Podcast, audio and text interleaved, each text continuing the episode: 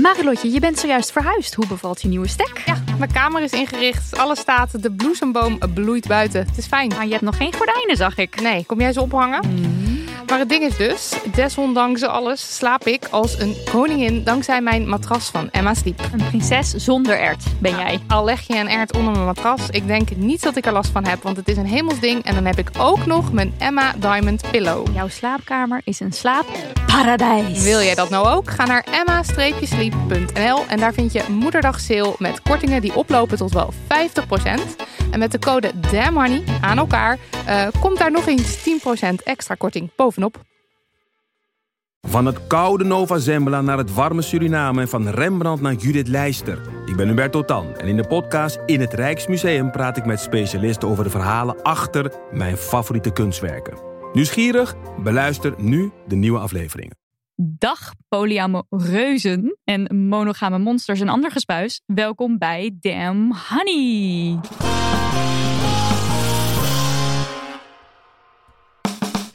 De podcast over shit waar je als vrouw van deze tijd mee moet dealen. Mijn naam is Nidia. En ik ben Marilotte. En dit is aflevering 61. En vandaag gaan we het hebben over polyamorie. En daarvoor hebben we twee gasten in de digitale studio. De eerste die ik aan jullie voor mag stellen is Isabel Jensen. Voorzitter van Stichting Polyamorie Nederland en de maker en host van de Polyam podcast. De eerste Nederlandstalige podcast volledig in het tegen, teken van non-monogamie en non-monogame mensen. Eindelijk, eindelijk, Isabel, mag ik je welkom heten? En dat ga ik nu doen. Welkom. Dat mag en dankjewel. Gast nummer twee is Manoy Kamps, queer, non-binaire, polyamoreuze dirigent, componist en theatermaker met Sri Lankaanse, Britse en Nederlandse roots. Ik leerde hen kennen via een van mijn Fafo-podcasts, namelijk De Eeuw van de Amateur, waar hij te gast was. En ik vind het heel erg leuk en fijn en alles dat hij nu een keer bij ons te gast is. Welkom Manoy. Ik ook. Hallo. Hallo. Wacht, ik ga gelijk even wat opbiechten. Want we hebben dus nu zo'n soundpanel, heeft Daniel voor ons geregeld. En dan kan je op de knopjes drukken en zelf de tunes aanzetten. Dus ik had net de tune aangezet. En toen zat ik hem zo heel langzaam naar beneden te sliden. Met het idee van, oeh, dan gaat hij zo heel langzaam zachter.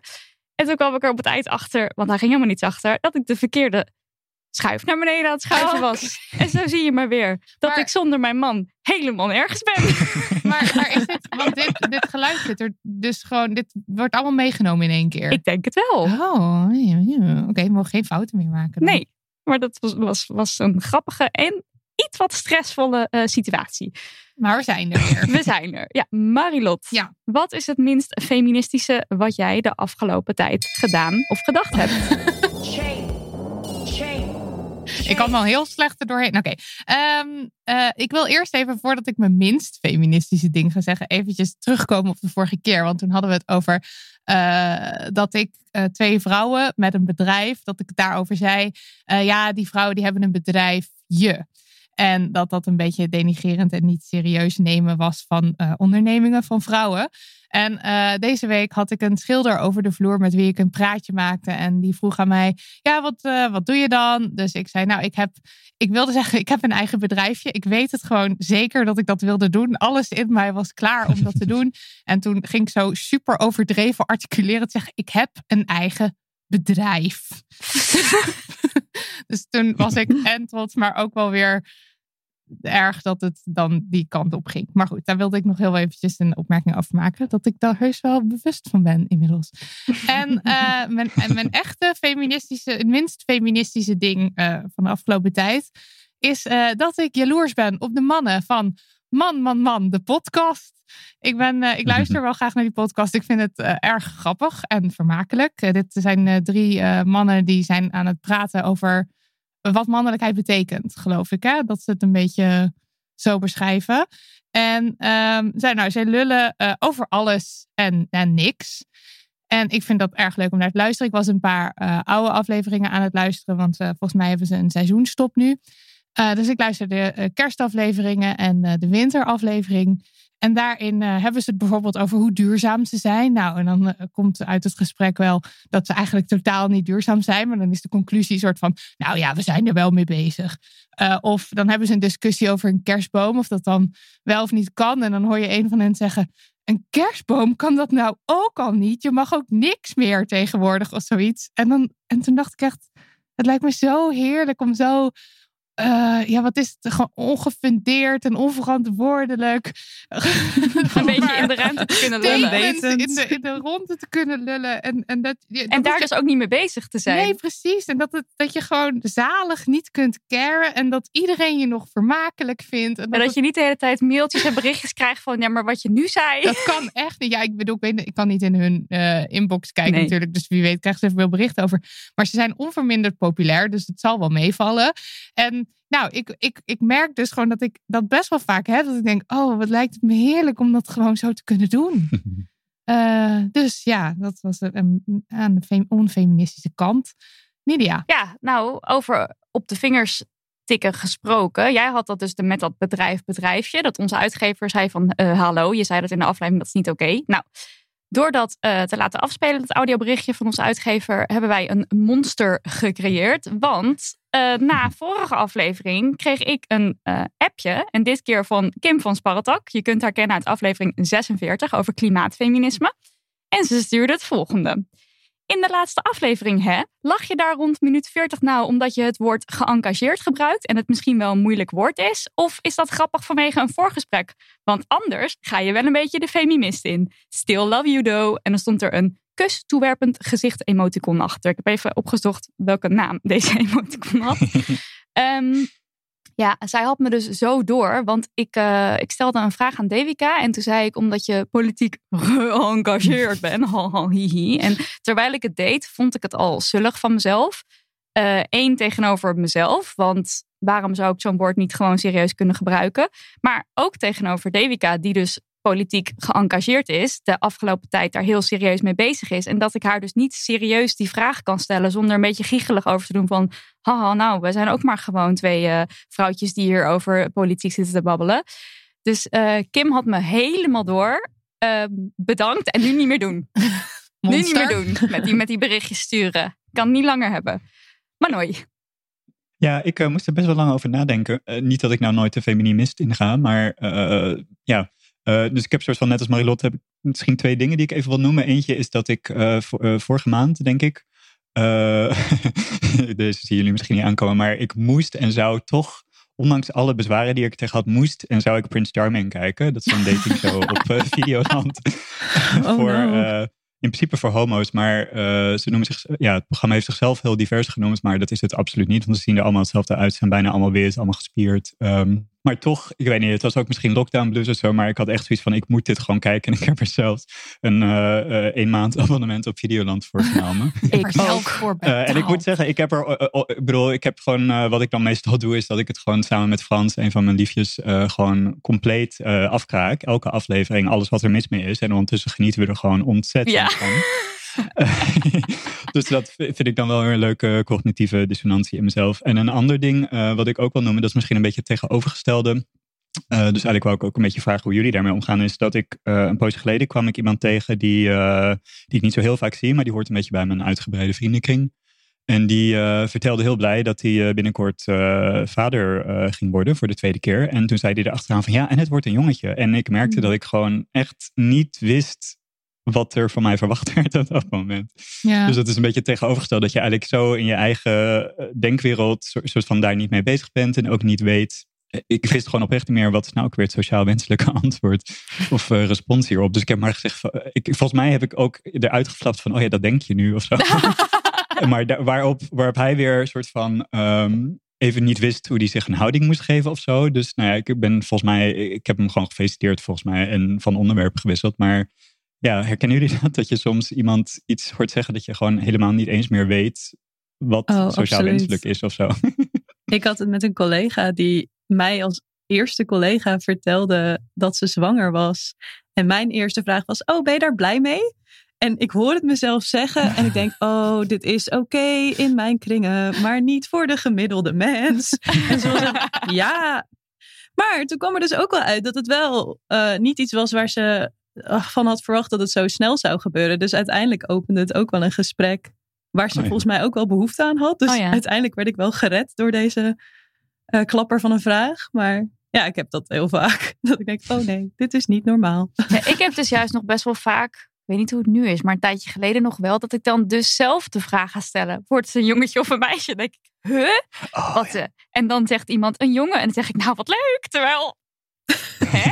Dit is ook een keer mijn minst feministische Ja, volgens, mij volgens mij geweest. ook, ja. Een hele tijd geleden alweer. Maar gewoon uit een soort ja, sociaal script. Wel het, het sociaal wenselijke script nog volgen. Wat ik altijd gevolgd heb. En dan uit een soort automatisme dat dan maar vragen of zo. Ja, eh, me- meestal ook omdat ik gewoon echt niet zo goed weet wat ik moet zeggen als iemand aankondigt zwanger te zijn of Ja. zo. Want ja, ja, nou ja, dan gefeliciteerd. Maar het, het is een soort van hele, hele automatische follow-up vraag. Maar als andere mensen het zeggen van nou en, het- en, het, en het wordt een, een meisje of het wordt een jongetje. Dan weet ik het dus net als Manoy ook niet meer wat ik moet zeggen. Want Ja. dan denk ik, oké, ik weet dat ik tegen gender reveal ben. Dus moet ik hier nou iets over zeggen? Maar dit is sowieso niet het moment eigenlijk. Want Nee. iemand vertelt Precies, iets leuks aan je. Dus je kan niet dan de les gaan lezen over hoe gender een construct is en zo. Maar eh, het is wel inderdaad, en dan, en, dan, en dan eh, hou ik het ook maar altijd bij gefeliciteerd, denk ik. Denk ik, weet ik niet eens eigenlijk. Ik zeg het in ieder geval niet tegen. Ook het idee dat niet heel veel me- mensen mij vertellen dat ze zwanger zijn. Maar misschien zit daar dus ook een reden. Ja. Oh, vind leuk. en wat vind je daar nou Ja. precies van? Oh, ik ben ook nog. eh, Ik heb er dus de hele week extreem erg op gelet eh, of ik de mist in ging. Eh, was wel heel mindful om te doen, maar ook wel een beetje deprimerend. Want op een gegeven um, ik zit nu voor, voor, voor de COVID even in huis met twee liefjes, twee partners. En we hebben best wel veel gesprekken over wie doet hier de boodschappen, wie, wat is emotional labor. Zeg maar, dat gesprek is heel erg eh, op de voorgrond op dit moment. En ik hou gewoon heel erg van koken en boodschappen doen. En dan moet ik daarop gaan letten, zeg maar. Van, hey, dat hoef jij niet alleen maar te doen, Isa. Maar op een gegeven moment waren er een paar boodschappen die moesten worden gedaan. En ik stuur dat lijstje naar Felix. En ik hoor mezelf zeggen... Het zijn wel een beetje ingewikkelde boodschappen. dus moet ik uitleggen waar ze staan in de supermarkt. En Felix kijkt mij aan. En ik kijk terug. En ik zie Mick hun hoofd om de, om de eh, deurpost Zo, hallo. gooien. Wat zeg jij nou? en ik zeg, ja, ja, nee, dit is inderdaad gewoon een man van 31 die best weet waar de bospaddenstoelen bouillon staat. En er anders ook wel Sorry. uitkomt zelf. Nou, Oh. Ik zie het ook zo en er- helemaal en voor ook me. een mond heeft. en dit kan vragen aan mensen. En kan Ah. lezen. En toen dacht ik, oh nee, oh nee. Heel grappig. Dus dat was hem wel echt voor mij Jij had deze al week, helemaal je plattegrond uitgetekend van de supermarkt. Maar die hoeft het dus Ja, alsof ik de enige ben die ooit in die supermarkt is geweest. Ja. niet. Erg grappig. Oh, verkeerde knop. Ja, dat krijg je. Nou, Dit hoort erbij, mensen. Kijk, er zitten dus geen woorden op. Ik doe het allemaal aan de hand van kleurtjes. En groen is dus post en niet geel. En Geel is feminist bel. Feminist bel. Geel feministbel. Tijd voor post. Post. Nog een keer. Tijd voor post. Post. Marilotte, een leuk bericht. Ik vind het heel vermakelijk. Oké, een leuk bericht. Ehm, het is eh, eh, leuk en kort. Hallo Nidia en Marilotte. Snelle vraag, houden we van. Is er eigenlijk een ringtone van jullie podcast? Sowieso hebben jullie fijne tunes. Hallo Lucas. Hallo Lucas. Maar het is natuurlijk ook leuk om mede honingballen te spotten. Met dank voor de reactie en fijne avond. Keep up the good work, Nicole. Nou, dit vonden wij een heel goed idee. Ja. Sterker nog, ehm, ik ben zo'n fan van mijn eigen podcast dat ik al maanden de Damn Money Tune als ringtone heb ingesteld. Want waarom ook niet? Ehm, en het lijkt me ook enig als onze ringtone door, de ringtone door heel Nederland eh geschald wordt. Of hoe zeg je dat? Dus wij gingen even met Jingleman Lucas de Geer appen. En hij zei, nou dat is zo gepiept. Leuke uitspraak vond ik dat.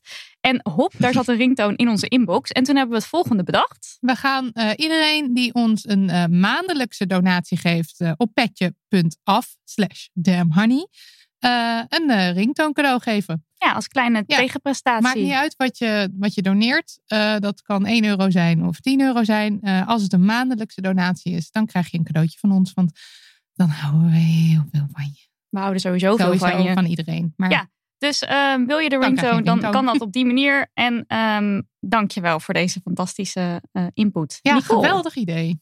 Oké, dan ehm, hebben we één brief uitgekozen dit keer. En die ga ik even voorlezen. Dus ga lekker zitten. Lieve Damn Honey Queens. Met een collega had ik het erover dat ik groot voorstander ben van gendergelijkwaardigheid. Precies op dat moment kwam mijn leidinggevende binnen en het eerste wat hij vroeg was: Ben jij een feminist? Ik antwoordde natuurlijk, volmondig ja, en mijn leidinggevende riep meteen het welbekende: Oh nee, toch. Ik voelde erbij al hangen en wist dat ik ondervraagd zou gaan worden.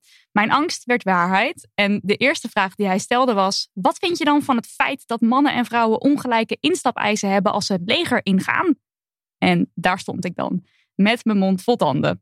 Het is al vervelend als iemand meteen je feministische kennis wil gaan testen om je te irriteren, maar het is nog vervelender als je vervolgens geen antwoord kan geven.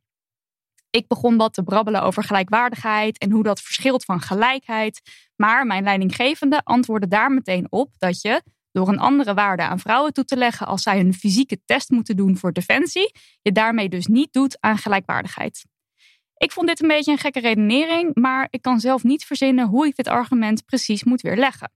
Daarnaast zei hij ook het een en ander over dat je bij gelijke beproeving van zowel mannen als vrouwen een soort kloof creëert, waardoor er minder vrouwen het leger in kunnen. In dit verhaal heb ik trans mensen niet meegenomen, omdat ik het gevoel had dat mijn begeleider dit niet had kunnen waarderen. Ik was enorm in de war van deze discussie en ik voelde me nogal aangevallen door mijn leidinggevende, maar dat is een ander verhaal. Nu ben ik heel benieuwd wat jullie mening hierover is. Vinden jullie dat er verschillende toelatingseisen moeten bestaan voor mannen en vrouwen die het leger in willen? En wat is jullie mening over de man-vrouw verdeling in het leger? Moet die zoveel mogelijk gelijk getrokken worden of is het niet erg dat er meer mannen dan vrouwen in het leger zitten? Dit zal overigens ook met stereotype beeldvorming te maken hebben, maar ik weet niet of ik dan te veel in de details ga zoeken. Bedankt voor jullie tijd. Jullie zijn geweldig. Keep up doing what you're doing. Veel liefs, Irsa. Ja, en hierbij wil ik nog eventjes gezegd hebben, ter verduidelijking, want ik heb de brief iets ingekort. Dit is niet iemand die zelf in het leger Oh ja. zit, want ze werkt op een middelbare school. Dus eh, dit is meteen maar even om eh, te illustreren dat, dat, dat hier dan sprake is van een, van een soort uit de lucht gegrepen aanval. Het, dit is echt het moment, iemand zegt, ik ben feminist. En dan is het, de reactie is eigenlijk een soort van, gadver, feminisme. Maar, en dan grijp je iets wat, er, wat gewoon ergens, geen idee waar vandaan komt. Dus, maar, wat vind je dan van het feit dat de instapeisen van het leger oneerlijk zijn? Want daar ben jij vast niet tegen. Want jij wil dat vrouwen het makkelijker hebben. En als het jou uitkomt, dan ben jij voor het voortrekken van vrouwen. Maar als het niet uitkomt, dan niet. Dat is eigenlijk basically wat hier gezegd wordt. Ja, en wat is vaker gebeurd? En dan is het nu toevallig het leger wat erbij gehaald wordt. Maar het is, op, eh, an- het, het is ook met. eh, en eh, de stratenmakers dan? Vind je dan ook dat vrouwen de straat moeten leggen op hun blote Ja. knieën? Of en wat vind je dan van vrouwen en kinderen eerst als er een boot zinkt? Oh ja. Ja. Dus het gaat hier niet over het leger, maar je wordt een soort van afgeleid. Eh, en, en, en dan moet je opeens gaan, gaan lopen verdedigen over iets waar je misschien niks van weet. Wat heel logisch zou zijn, want je kan niet eens, je kan niet alles weten over dingen. En het wordt dan hier ook nog, en daar gaan we het denk ik eerst even over hebben, geponeerd als een feit.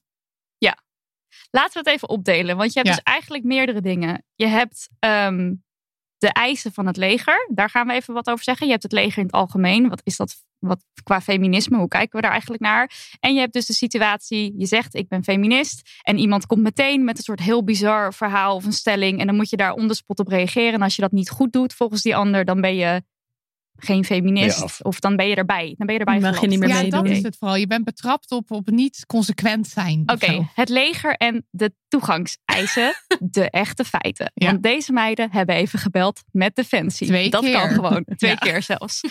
Ehm, nou, wij bellen, wij zeggen van, eh, ja, hoe zit het eigenlijk als je het leger in wil? Zijn er dan eh, verschillende ehm, dingen waar je aan moet voldoen als man of vrouw? Nee, was het antwoord. De toegangseisen voor mannen en vrouwen in het leger zijn Exact. hetzelfde. Dus deze leidinggevende die zegt in een gesprek: wat vind je van het feit dat er ongelijke toe- toegangseisen zijn? Dat is dus geen feit. Nee, en dan is er dus wel nog een soort. Er zijn eh, bijvoorbeeld eh, zwaardere instapeisen nog als je aan eh, een soort zwaardere functie. als je dan solliciteert Ja. voor wat was het? Cor Korps Marinier of zo. Ja, Ja. dan moet je aan best wel heftige eisen voldoen. Maar ook daar wordt geen onderscheid gemaakt tussen, nou ja, eigenlijk wie dan ook. Je moet gewoon een soort bepaald uh, bepaalde ondergrens, daar moet je aan voldoen. Je moet fit genoeg zijn voor iets. Uh, en, en dat is niet van, oh, vrouwen uh, mogen iets minder en mannen moeten iets meer. Nee, er is echt één exact dezelfde grens. En daar moet je dus aan voldoen. Ja, dan heb je wel de DCP, Defensieconditieproef. En dat is een jaarlijkse proef als je in het leger zit. en daar gelden wel verschillen. Um, en um, uh, het is dan zo dat er bijvoorbeeld hard gelopen moet worden. En dat dan uh, mannen 2400 meter moeten hardlopen en vrouwen 1900 meter. Dus daar scheelt het 500 meter. En er is een klein verschil. Of nou ja, het is denk ik, als je het zou moeten doen, misschien wel een groot verschil. Bijvoorbeeld um, 20 push-ups voor mannen en 10 push-ups voor vrouwen. En 30 sit-ups voor mannen en 20 sit-ups voor vrouwen. Maar toen doken wij een beetje in die test. En die test is dus als jij een fit persoon bent die in het leger zit, echt peanuts. Als in, ja. als ik een beetje train, zou ik het ook kunnen. Uh, en ik ben niet per se super fit. En in principe is dit dus ook een test die de mensen die bijvoorbeeld kantoorfuncties uh, uh, vervullen. Of die weet ik veel kok zijn of zo. je hebt natuurlijk allerlei functies in het leger. Niet iedereen is maar uber fit en moet de hele tijd door, weet ik veel, met bepakking door een woestijn rennen of zo. dus het is, het is, het is een soort dit is gewoon een soort basic, een basic fit is dit. Een basic fit test waar je aan moet voldoen. Um, en, uh, en het is ook nog zo dat uh, naarmate je ouder wordt, hoef je minder te doen. Dus uh, en, als je meegaat in de, in de redenering van de leidinggevende, dan doen ze dus eigenlijk ook aan leeftijdsdiscriminatie. Want steeds als je wat ouder wordt, hoef je wat minder ver te lopen. Ja. En zelfs als je last hebt van het een of het ander. Dus nou, mijn vader zat in het leger. Dus even, zou ik die ook maar even hebben gedropt of wat. maar die heeft onderhand een, uh, een, een nep heup en een nep knie, geloof ik. En die deed deze test ook. Maar er werd ook gewoon rekening ja. mee gehouden. Ja. Dus er is, ik denk ook gewoon dat die leidinggevende een soort heel heldhaftig, machisimo beeld had van mensen in Zeker, het leger. Maar ja. er wordt nog best wel, nou ja, redelijk mee omgegaan met je vrouwelijkheid of je pijn in je knie. Ja. Ja. En uh, we, we, kwamen ook nog een oud artikel tegen van uh, het Algemeen Dagblad, waarin dan stond, nou, uh, wat was het? De, veel, veel, militairen kwamen niet, komen niet eens opdagen voor deze test. Nou is dit een, een wat ouder artikel. En we hebben dus met de pensie gebeld dat uh, inderdaad waar was. Maar dat wilden ze natuurlijk niet zeggen. Want je wil natuurlijk niet zeggen of, of, de, of zo'n test dan uh, uh, wel of niet gedaan wordt door mensen. Dus in principe is dit gewoon een test die verplicht is. En als je niet komt opdagen, dan zijn daar consequenties aan verbonden. Ja, en in 2016 kwamen er dus echt duizenden militairen niet opdagen. Dus hoe serieus deze test Oh, wow. precies genomen wordt, is ook niet helemaal duidelijk.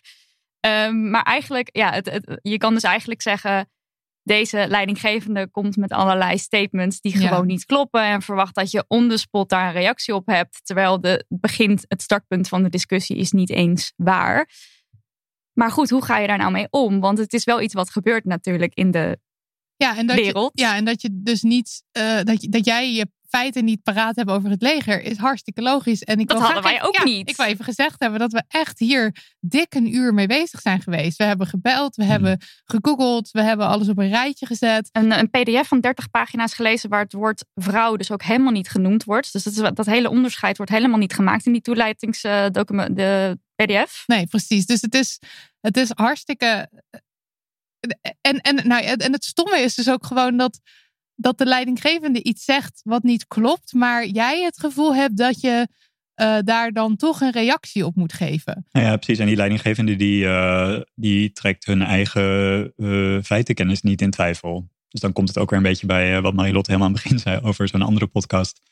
Uh, dat er ook een soort zelfverzekerdheid Ja. en uh, onkritischheid uh, in, in iemand zit. Ja, Um, waardoor jij eigenlijk ineens de bewijslast uh, voelt. zeg Ja. maar. En, en dat je dan helemaal het idee hebt van. eh, nou ja, en dat je een soort van faalt in je feminisme of zo, omdat je het hier dan geen goede reactie op kan geven, wat natuurlijk helemaal niet waar is. Je kan gewoon niet alles weten. En nou ja, ja ik, ik, ik heb er dus ook wel een handje van om dus soms in een, een andere kant op zulke dingen te roepen. Ik heb dat in de nieuwjaarsaflevering, eh, was het mijn minst, feminist, mijn minst feministische, dat ik dan roep, er zitten nul vrouwen in de politiek of zoiets. Eh, omdat ik dan dus ook, dus dat kan ik dan ook poneren als een feit. Dus, maar dan word ik daar wel meteen op aangesproken, omdat het natuurlijk niet zo is. Maar hier weet je dan niet genoeg van. ja, dus wat kan je dan het best doen op zo'n moment? Ik denk eerst vragen terugstellen. Ja. Oh, wat. eh, oh, wat je kan natuurlijk wat- zeggen, oh, dat wist ik niet. Kan je misschien iets meer vertellen over die eisen? Oh, Ja. is dat zo? Is Ja. dat zo? Ik heb geen idee. Ehm, of je kan eh, zeggen van, eh, ik, ik duik er eventjes in, mocht je dat willen. Maar je zou ook kunnen zeggen van, oh, hey, ik vind het wel interessant. Of ik vraag me af waar het vandaan komt dat je deze Ja. stelling, dus we noemen het woord feminisme, en dat je specifiek deze stelling als allereerste, dat dat bij jou opkomt als we het over feminisme hebben. Want we- welke ik ook nog wel een keer gehad heb, serieus, is, vind je dan ook dat mannen vrouwen mogen slaan? Gewoon Oh, serieus. Serieus dat iemand dat zei. En dan sta je zo van, huh, maar hoe kan het dat mensen dit als eerste gedachte hebben als feminisme? Ja, ja. Ja, en het, en het is niet eens zo dat mannen geen vrouwen staan. Nou, dat ook nog, dat gebeurt heel veel Ja. namelijk. Dus het klopt, maar dat is het dus dan. Nou, ja. Maar goed, inderdaad. Ja, maar dan heb je dus het idee dat gelijk trekken betekent naar Voortrekken. het laagste, nee, naar het laagste niveau trekken. Oh, dat Want kan ook, ja. Inderdaad, Veel, veel mannen slaan vrouwen. En als je dus gelijkheid wil, dan trek je dus naar dat niveau toe. Ja, want je vindt dat vrouwen nu voorgetrokken worden. Want je mag ze niet En dus slaan. moet het, ja, en dus moet Naar het naar beneden. beneden. Ja. Terwijl in dat plaats- kan niet. In plaats van laten we iedereen omhoog Ja, trekken. Ja. laten we niemand slaan. Maar ja, het is Wat dacht je van geen geweld? Nou ja, precies. Want het is ook met het leger van moeten er evenveel mannen als vrouwen in het leger. Nou moeten we niet eens nadenken over defensie en leger en hoe we omgaan met geweld en ja, hoe we daar naar kijken. Dat zou mijn eerste Maar- antwoord zijn als iemand zo gaat van Ja. nee, maar vind je dan dat er, eh, wat vind je er dan van dat vrouwen eh, moeilijker in het leger terechtkomen? En zeg ik, nou, als, eh, vanuit mijn feminisme gesproken zou ik eigenlijk vinden dat er helemaal geen leger moet zijn. En dan heb je ook wel iemand eh, even perplex van oh, Ja, die zien ze dan niet aankomen. Ja. Ja. dat scheelt dan ook weer. Ja. ja, goed. In ieder geval, ik zou, ik zou zeggen, pro- probeer een vraag terug te stellen, zodat je weer eh, de het soort van de bewijslast bij de ander legt. Zodat Ja. dat de ander weer aan het werk moet. Want, want het is niet eerlijk dat jij opeens, opeens van alles acht te weten over dingen die je misschien niet weet en wat je ook niet hoeft te weten. Laat die ander dan maar eens even onderbouwen waarom dat dan oneerlijk is. En dan heb jij weer even de tijd om erover na te denken. Ja, of dat je dus vraagt van is dit waar feminisme volgens jou om draait? En dat je dan zegt, Hmm. eh, bij mij komen de volgende thema's meteen in mijn hoofd als ik aan feminisme denk. En dat Ja. je dan een Seksueel aantal thema's geweld, seks, Ja. seks- medisch seksisme, loonkloof. dat, je een aantal dingen Ja. eh, misschien dan kan noemen waar, w- ja, wat het voor jou betekent. Ja, en wat ik in dit, ja, het is misschien ook, eh, misschien inderdaad algemener, kan je dat misschien niet altijd doen, maar ik, ook als we even bij het voorbeeld blijven, ik heb ergens ook zoiets van, ik weet natuurlijk niet wat voor soort gesprek dat was, of het in een soort eh, luchtige kroegsetting, bij wijze van spreken, ja, kroeg tussen Nee, het was aanhalingstekens op van werk. de COVID-tijd. Ja. Oh, het was op werk. Ehm, maar ja, goed, is dat dan in de, in de lerarenkamer of is het eh, in een één-op-één situatie dat je ook een beetje in het nauw gedreven voelt? Zo, dus, dat, dus je weet ook niet altijd wat, hoe intimiderend zo'n gesprek kan zijn. Mhm. Maar ik, ik, wat ik ook dan eigenlijk in dit geval zou willen weten, is wat die, die persoon die dan de, de, de, de, vraag stelt, de leidinggevende in ieder geval, wat die er dan zelf van vindt. Want het is eigenlijk heel erg gericht op mij, eh, of de vraagsteller in dit geval, ehm, ja, een hak zetten of eh, een, een soort van eh, inconsistentie te laten zien. Ja. Maar ondertussen bekent iemand ook geen kleur. Zo van, eh, vind je, wat, eh, ik bedoel, mensen hebben misschien afwijkende meningen, maar iemand zegt niet per se van ik vind dat het zo moet of ik vind dat het zo moet, terwijl ze dat dan wel van ons eisen, zeg maar, op zo'n moment. Ja, maar wat, eh, wat Dus er in die, zin, brief. dat omdraaien is ook wel. Ja. Ja, want wat er in die brief ook gebeurt. Ja, als, je heel het, als je het voorleest, dan gaat het, dan gaat het natuurlijk heel snel. Maar eerst wordt er dus gezegd van wat vind je dan van die ongelijke instapeisen? Alsof dat dus iets verkeerds wordt, zo'n soort suggestie. Maar later wordt er weer gezegd van op het moment dat je de ingangseisen gelijk zou trekken, dan zou je een kloof creëren waardoor er minder vrouwen het leger inkomen. En dit alles is dus gebaseerd op onzin. Maar er, wordt dus ook van, Ja. er worden dus ook meerdere dingen zo op je gegooid, zodat je eigenlijk het niet eens meer goed in de ogen van de ander zou kunnen doen. Want wat je ook gaat zeggen, je bent klemgeluld. En dat is heel vaak ook de, Ja. Eh, de, insteek. de Er- insteek van zo'n gesprek. Ja. En Ja. dat is heel vervelend. En de brievenschrijver die zei wel van... ehm, ik voelde me nogal aangevallen, maar dat is een ander verhaal. Maar ik vond het eigenlijk dus juist een heel, goede, een heel goed voorbeeld van een gesprek... wat best wel vaak gebeurt als je Ja. je uitspreekt als feminist. Dat je dan dus in zo'n situatie gestopt wordt. Ergens kan je dat natuurlijk ook benoemen, want we hebben het inderdaad gehad over eh, wat is hier theoretisch onjuist aan. Nou ja, dat bleek dus dan alles te zijn. ja. Maar ook gevoel, gevoelsmatig kan je natuurlijk ook op dat moment zeggen: van waar we het nu over hebben gehad, wat er eigenlijk gebeurt in dit gesprek. Dat je een soort van meta trekt van, nou, ik heb het idee dat je op dit moment Ja. mij probeert te pakken op iets. En volgens mij is dat niet waar feminisme over gaat. Wat weet je er zelf van dat je dat doet? Ja. Dus Ja. dat je het niet meer over het onderwerp zelf hebt, want je hebt allebei dus de feiten niet paraat. Blijkt. Ja. Ehm, maar over het gesprek en wat daarin aan het gebeuren is. Als iemand dit binnenkort in de praktijk kan brengen, zou ik dat heel vet Ja. vinden. En zou ik heel graag willen weten wat dan de reactie is van die ander. Als, als je dat inderdaad zo uitlegt. Ja, dus als je dat gevoel van dat je aangevallen wordt, dat je dat neerlegt bij de ander. Ja. Ja, dat is eigenlijk heel, Ja. want dat, dat, daar, dat, dat is gewoon in al die situaties is dat van toepassing. Heel slim. Ja, want het heel echt eh, vervelende aan deze hele situatie is dat eigenlijk het helemaal aan het begin van de brief eh, de situatieschets eigenlijk al zegt van eh, ben je feminist? Oh nee. Oh nee, Ja. toch? Ja. Mhm. Ja, weet je, en dat, dat eh, nou ja, wat Isa dus voorstelt is natuurlijk heel goed, maar je kunt je voorstellen dat iemand die met zo, zo'n been, eh, zo'n gestrekt been er al ingaat, dat dat een heel, als je op dat, meten, op dat niveau, dan eigenlijk gaat het gesprek daar dan over. ja. Dat, eh, dat kan nog best wel eens lastig zijn. Dus zeker als je inderdaad in een ongelijke machtsverhouding zit, eh, met een leidinggevende bijvoorbeeld, is dat natuurlijk niet altijd even makkelijk. Maar Nee, wel tuurlijk. fijn Nee, als het precies, kan, ja. of als Dus- je het durft. ja. Ja. En behoud je natuurlijk ook, altijd, behoud je ook altijd het recht om te zeggen: eh, dit voelt een beetje als een. En misschien zelfs zeggen als een onredelijke machtsverhouding om dit gesprek in te voeren. Dus ik eh, ga weer door met mijn broodje eten. Ja. ja, ik zat ook te Eh, denken en dat is van misschien ook heel eng. Maar bij dat oh nee toch had, was, had natuurlijk al de reactie kunnen zijn van oké, maar je vraagt nu overlegen, maar even terug. Want jouw eerste reactie was oh nee toch? Maar laten we het daar even over hebben. ja, Maar ja, ja. het is niet altijd dat het zo letterlijk wordt uitgesproken, dat oh nee toch? Precies, Het is vaak meer een gevoel. dus dat je jij het- haat vrouwen. Ja, is dat wat je zegt? Du skeiv helt sånn. Hello Fresh, lieve mensen. Graag even wat aandacht voor onze wedergekeerde sponsor. Hello Fresh. De maaltijdboxen van HelloFresh die gewoon bij jou thuis worden geleverd, zitten nokkievol met verse ingrediënten waarmee je recepten uit je mouw schudt waar een doorgewinterde huisvrouw nog u tegen zegt. We hebben afgelopen week allebei weer een bestelling geplaatst. En alleen al het kiezen was weer feest. Al zoomend met elkaar bespraken we verlekkerd wat alle opties waren om uiteindelijk tot een keus te komen. En ik ben daarna weer drie keer van keus veranderd uit pure excitement. Maar goed, ik had mijn doos net voor de sneeuwstorm binnen vorige week. Wat een genot. Nooit meer naar buiten. En ik heb, I kid you not, de afgelopen dagen de koelkast een paar keer opengetrokken. Gewoon ook omdat ik zo opgewonden was erover. Om te kijken hoe vol je was. Heb je al iets gemaakt? Eh, ja, ik maakte paddenstoelen risotto, maar dan niet met risotto rijst, maar met eh, orzo. En ik had er nog nooit van gehoord. Een mens leert weer eens wat nieuws, want ik had geen idee. En wat vond je? Ja, eh, lekker. Comfortfood was het. Het is een soort rijst, maar dan pasta. Nou, mijn box komt bijna. Ik kan niet wachten. Wil jij ook een doos? Ga naar hellofresh.nl en ben je nieuwe klant, dan krijg je met de code HelloDamnHoney in totaal 45 euro korting over je eerste drie maaltijdboxen. Hello Damn Honey. En dat schrijf je aan elkaar. Ga naar hellofresh.nl. I can see your halo, halo, halo. Fresh.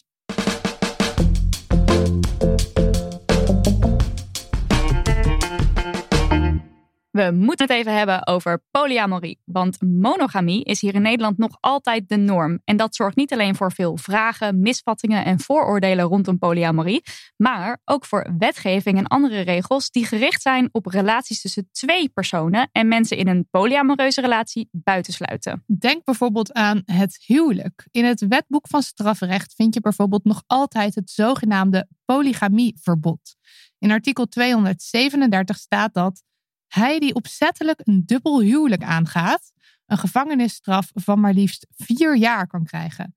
En ook het juridisch zeggenschap van ouders is gericht, is gericht op maximaal twee mensen. Een aantal politieke partijen blijft maar hameren op het traditionele gezin als hoeksteen van de samenleving. En in de mainstream media zien we ook maar weinig polyamrelaties voorbij komen. En als we het over polyamorie hebben, dan halen we monogamie er ook maar meteen even bij. Want monogamie is toch eigenlijk ook maar een ouderwets construct dat we hebben overgehouden uit de patriarchale samenleving. Toen het huwelijk nog vooral om eigendom, grondbezit en nageslacht ging en niet om liefde, moeten we daar niet eens vanaf. En we gaan het erover hebben met Isabeau en Manoy. En beginnen meteen met een vraag van een luisteraar. Eh, want wij vroegen, eh, gooi al je vragen over polyamorie op ons. En er was een vraag, wat is het precies? Ehm, mag ik hem aftrappen? Zeker. Zeker. Polyamorie voor beginners. Be my guest. Ja, ja ik zou. eh, de kortste definitie is eh, dat je eh, in het leven staat met de houding dat je meerdere relaties kunt aangaan. Eh, dat die, ehm, en dat hoeven dan niet relaties met mensen te zijn die per se allemaal met elkaar ook relaties hebben. Dus eh, dat, dat hoeft niet per se. Maar de kortste definitie is dan denk ik toch eh, ja, meerdere relaties. En dat is ook hoe ik er eh, nou ja, in het begin tegenaan keek. Ehm, maar gaandeweg eh, definieer ik het ook een beetje anders. Ik ben ook benieuwd hoe Isa er tegenaan kijkt nu. Maar nu definieer ik het veel meer nog eh, vanuit het idee dat je eigenlijk met iedereen, ja, met iedereen met wie je dat wil, een verhouding slash relatie kan hebben die bij diegene past. Eh, dat die niet per se beïnvloed wordt door wat je met andere mensen al wel of niet hebt. Dus dat je eigenlijk met iedereen een soort natuurlijk verloop kan hebben. En dat het niet eh, beperkt wordt door wat er verder nog in je leven speelt. En hoe zie je dat dan anders dan de eerste definitie? Ehm Het is meer wil jij eerst nog iets toevoegen, Isa? Ja, nee, dat denk ik dat het iets meer een lifestyle is geworden over de jaren heen. Waar het aan het begin dacht ik, oh, dit heeft iets te maken met hoe ik liefde doe. En nu veel meer, oh, dit heeft iets te maken met hoe ik het leven doe en omgaan met mensen. Ja. Mooi. Eh, ja, dus het is veel breder getrokken. En ik hoor dat ook wel van veel meer mensen die hier een x aantal jaar mee bezig zijn. Ja, want ik denk dat het eh, een beetje veronderstelt. eh, Het verschil tussen die twee definities is dat als je zegt van je kunt meerdere relaties hebben, dat veronderstelt dat het heel duidelijk afgebakend is wat een relatie is. En dat is ook iets waar ik natuurlijk met de tijd eigenlijk een beetje achter ben gekomen dat dat heel dusdanig verschillend kan zijn. Dat je op een gegeven moment bijna dat hele label misschien wel los wil laten. Dat heb ik nog niet per se gedaan, maar is het op een bepaalde manier makkelijker om gewoon te zeggen van ik, ik kan met jou een, ja, een relatie aangaan, whatever een relatie is. In plaats van eh, dat je vooraf bepaalt wat een relatie is. Dat weet je nooit met iemand van tevoren. Ja, terwijl we nu daar ehm, in Nederland in de maatschappij best wel een soort ja, vasthoudend idee over hebben van oké, je hebt een relatie, dan ga je bijvoorbeeld ooit een keer samenwonen. Dat is in ieder geval wel het idee. En dan besteed je tijd, zo, zoveel tijd met elkaar. Het is dan dus raar als je bijvoorbeeld maar nou, één keer in de twee weken elkaar ziet. Zeg maar al die regels die wij er nog heel erg zo als maatschappij aan het woord relatie koppelen. Daarvan zeg je eigenlijk van weg ermee. Ik ga zelf definities kijken. Nou, maken of daarvan wil je zelf- zeggen, weg ermee. Ja. Maar dat is lastig. Ja, Dat blijkt dan lastig te zijn. Eh, ja, nee, Manoy en ik hebben het hier ook wel vaker over. Wij zijn ook vrienden buiten deze podcaststudio. Eh als, tenminste, wat zijn vrienden eigenlijk? Ehm, Laten we het daar eens over hebben. En laten we het daar eens over hebben. Nee, ja, ik, eh, ik vind labels heel ingewikkeld.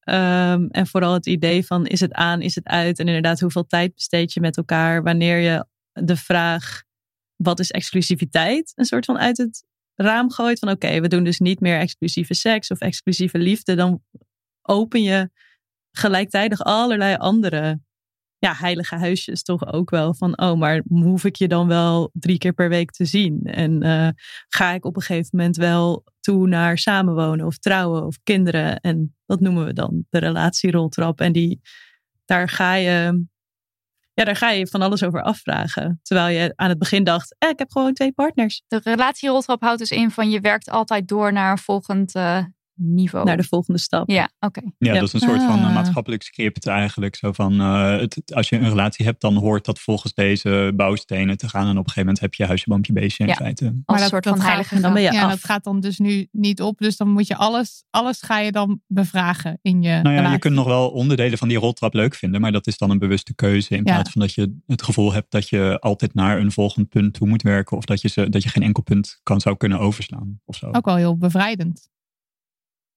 Ja, ja zeker. Ja, ik eh, bedoel, het is bevrijdend op het moment dat je misschien eh, in de veronderstelling hebt geleefd dat het zo moet. En ik weet bijvoorbeeld in mijn geval niet of ik echt, ja, misschien eh, toen ik nog, eh, nog kind was, zeg maar, dat je wel een beetje zo'n beeld hebt van eh, dat je uiteindelijk eh, met een prinses gaat trouwen, zeg maar, weet ik veel.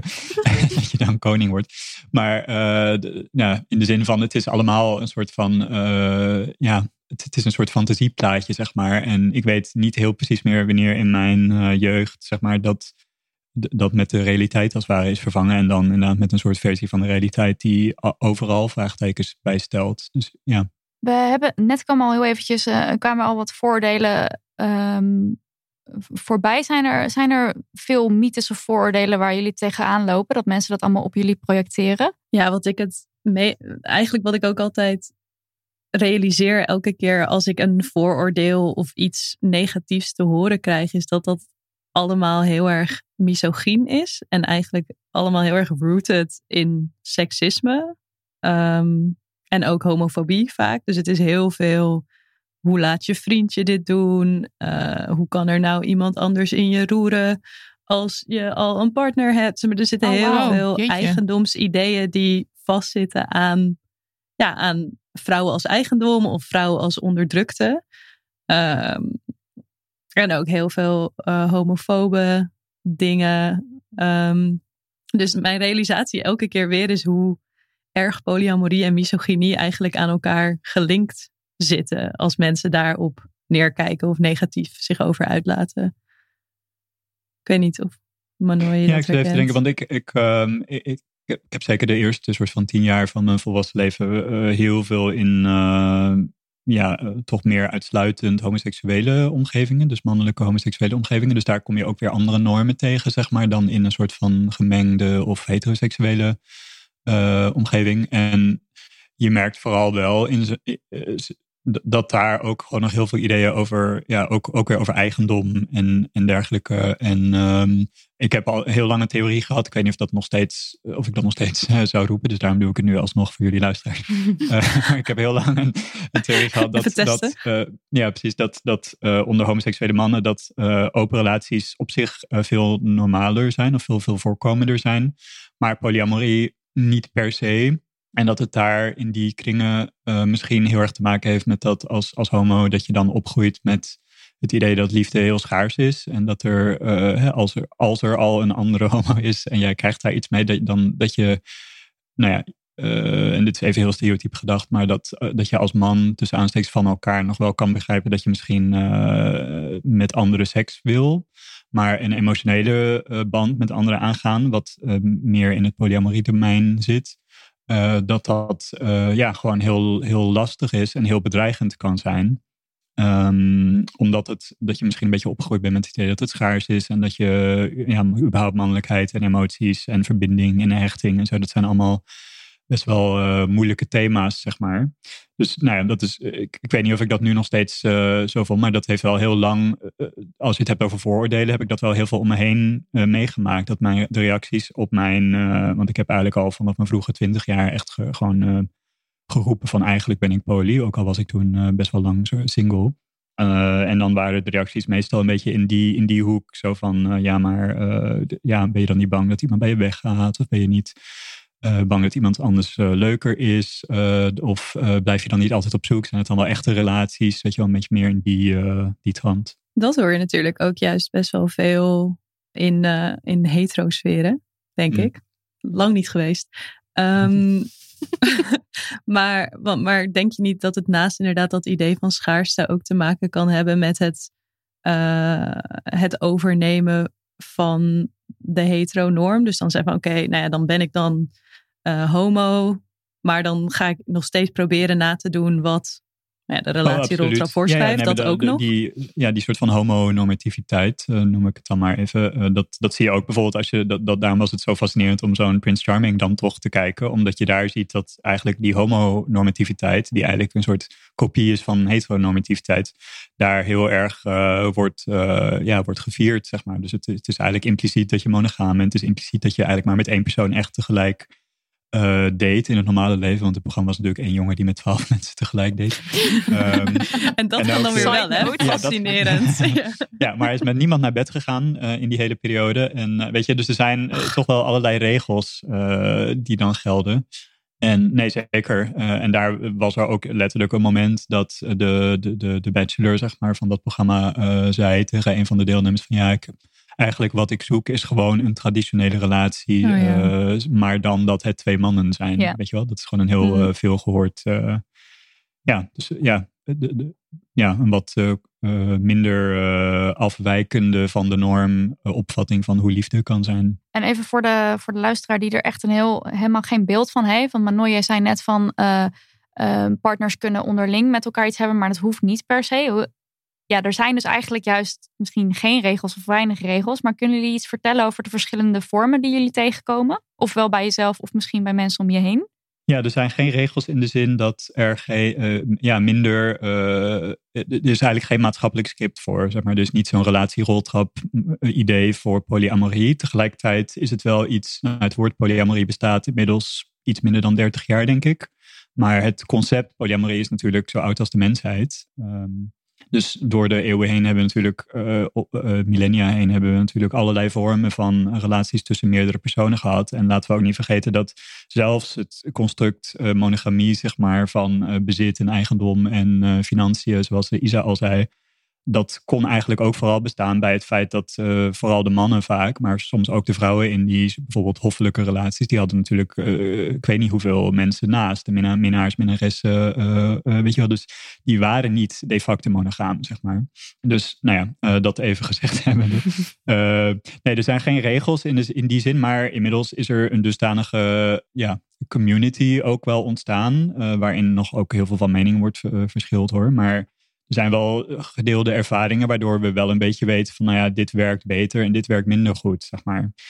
Um, en uh, ja, uh, wat bijvoorbeeld niet goed werkt over het algemeen is als, uh, als twee mensen al een relatie hebben en er, er, moet dan een derde bij, die dus met allebei ook een relatie moet hebben, hm. die oh, helemaal ja. gelijkwaardig is.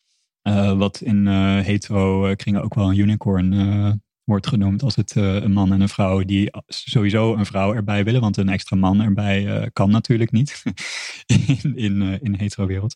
Maar ehm, ja, dus je hebt, ja, je hebt driehoeksrelaties, je hebt de veetjes waarin één persoon met twee losse personen die niet per se een relatie met elkaar hebben. Je hebt vierkantjes. Ik bedoel, Isna, misschien is het leuker als jij daar iets over zegt.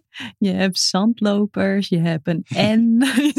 er zijn allerlei termen en namen voor. Ja, je ziet altijd met zulke vragen ook dat mensen aan het begin vaak op zoek zijn naar twee dingen. Dat zijn uh, het nieuwe script. Dus oké, maar hoe moet ik dit dan doen? Ik ja. weet dat ik dit wil, maar wat zijn hier dan de regels voor? Um, en uh, iets, toch iets essentialistisch of zo. Dus het beargumenteren van oké, dit komt uit mijn natuur. Of dit komt uit de geschiedenis. Of het beargumenteren van waarom het oké is. En met die regels is het inderdaad toch echt zo dat uh, vele mensen zijn je voorgegaan. Je kan je heel goed op het internet en in boeken inlezen over wat er allemaal voor vormen zijn, denk ik. Je hoeft het uh, wiel niet uit te vinden, opnieuw. Je hoeft echt het wiel niet uit te vinden. Wees niet zoals ik uh, zeven jaar geleden toen ik dacht, dit heeft nog nooit iemand gedaan. ik ga het heel nieuws doen. dit is revolutionair. dat bleek ook niet zo te zijn. Ik geloof dat uh, The Ethical Slut is een heel bekend boek over ja, vrije liefde, non-monogamie. En dat is uitgekomen in 1997. Hm. Dus, nou ja, is ook nog niet zo heel lang geleden. Zien jullie eigenlijk verschil tussen een open relatie en polyamorie? Is dat iets anders? Uh, ja. ja, want ze vallen allebei onder non-monogamie. Maar het zijn wel eh, verschillende concepten. Uh, dus polyamorie is inderdaad wat ik net al zei het, het idee dat je dus meerdere relaties kunt hebben. Uh, en dan even los van hoe je een relatie definieert. En een open relatie, dat gaat vooral over seksualiteit. Dus dat gaat over je hebt, je hebt een relatie met iemand anders, maar je mag ook daarbuiten nog uh, seks hebben met anderen. Maar en, en um, zou dat dan betekenen dat er dan één soort van, je, je hebt een relatie met iemand anders, dat is dan je, zeg maar, je hoofdpartner of primaire partner of zo, en daarbuiten mag je dingen doen? Of is daar ook weer, dat zijn natuurlijk afspraken die mensen nou ja, binnen hun relatie ook weer een hele doos van, is ook een hele doos van Pandora. Daar heb ik uh, met Isa, met uh, de Polyam podcast, hebben daar uh, een poosje geleden een aflevering over gemaakt over hiërarchie. Ja. Oh ja. want meestal in, in open relaties, die zijn niet per definitie polyamoreus. Dus dan is het eigenlijk, heb je het niet eens over primair of secundair misschien, omdat er maar één relatie is, zeg maar. Terwijl in polyamorie heb je wel vormen waarin mensen heel hiërarchisch ernaar kunnen kijken en zeggen van nou, ik heb een, inderdaad een primaire partner en dat is dan vaak ook iemand met wie ze bijvoorbeeld samenwonen of uh, meer seksuele afspraken hebben uh, dan met anderen. En dan secundaire partners, dat, daar, daar gelden dan weer andere regels voor ja. in die relaties. Maar dat is overigens niet hoe ik het zelf uh, doe. Maar dat komt wel veel voor. Isa, heb jij nog... Ja, ik denk dat het de vorm is waar veel, nou in ieder geval heteroseksuele, biseksuele mensen veelal vandaan komen. Dus veel aan beginnen. Uh, zeker, nou ja, sowieso de mensen die al een partner partnerschap hebben. Dus wij met één iemand samen zijn en dan dit gesprek opengooien. En dan dus besluiten, oké, we kunnen andere mensen daten. Nou ja, hopelijk gaan ze dan voorbij inderdaad aan het idee van unicorn hunting. En dus op zoek naar één extra vrouw erbij. Ehm, nou, en dan kom je heel snel dus op het in het gebied van oké, maar deze relatie was er al, dus ergens hou ik me hier heel stevig aan vast. Wat natuurlijk prima kan en soms blijft dat dan ook zo.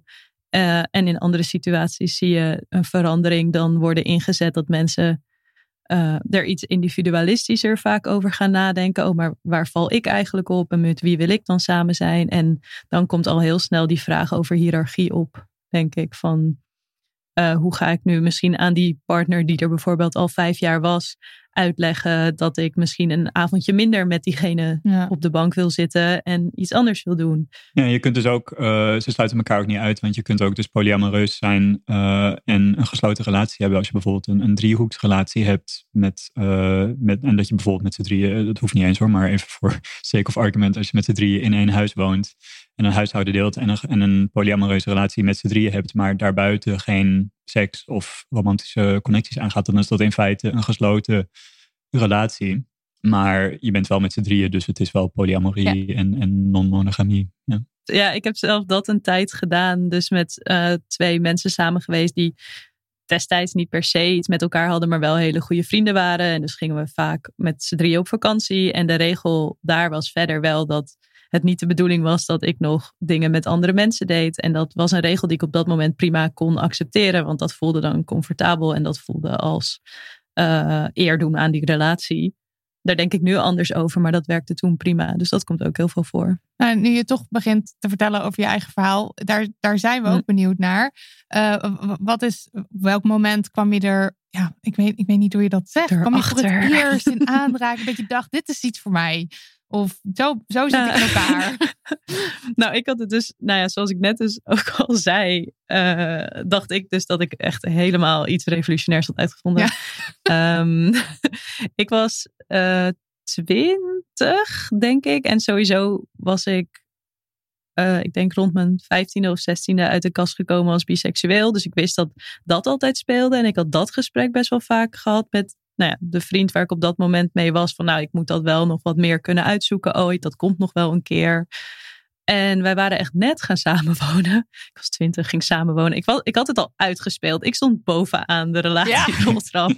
Uh, studio, appartement, uh, nog aan het studeren. Maar dit was hem en het was uh, klaar en af. En toen ontmoette ik Felix.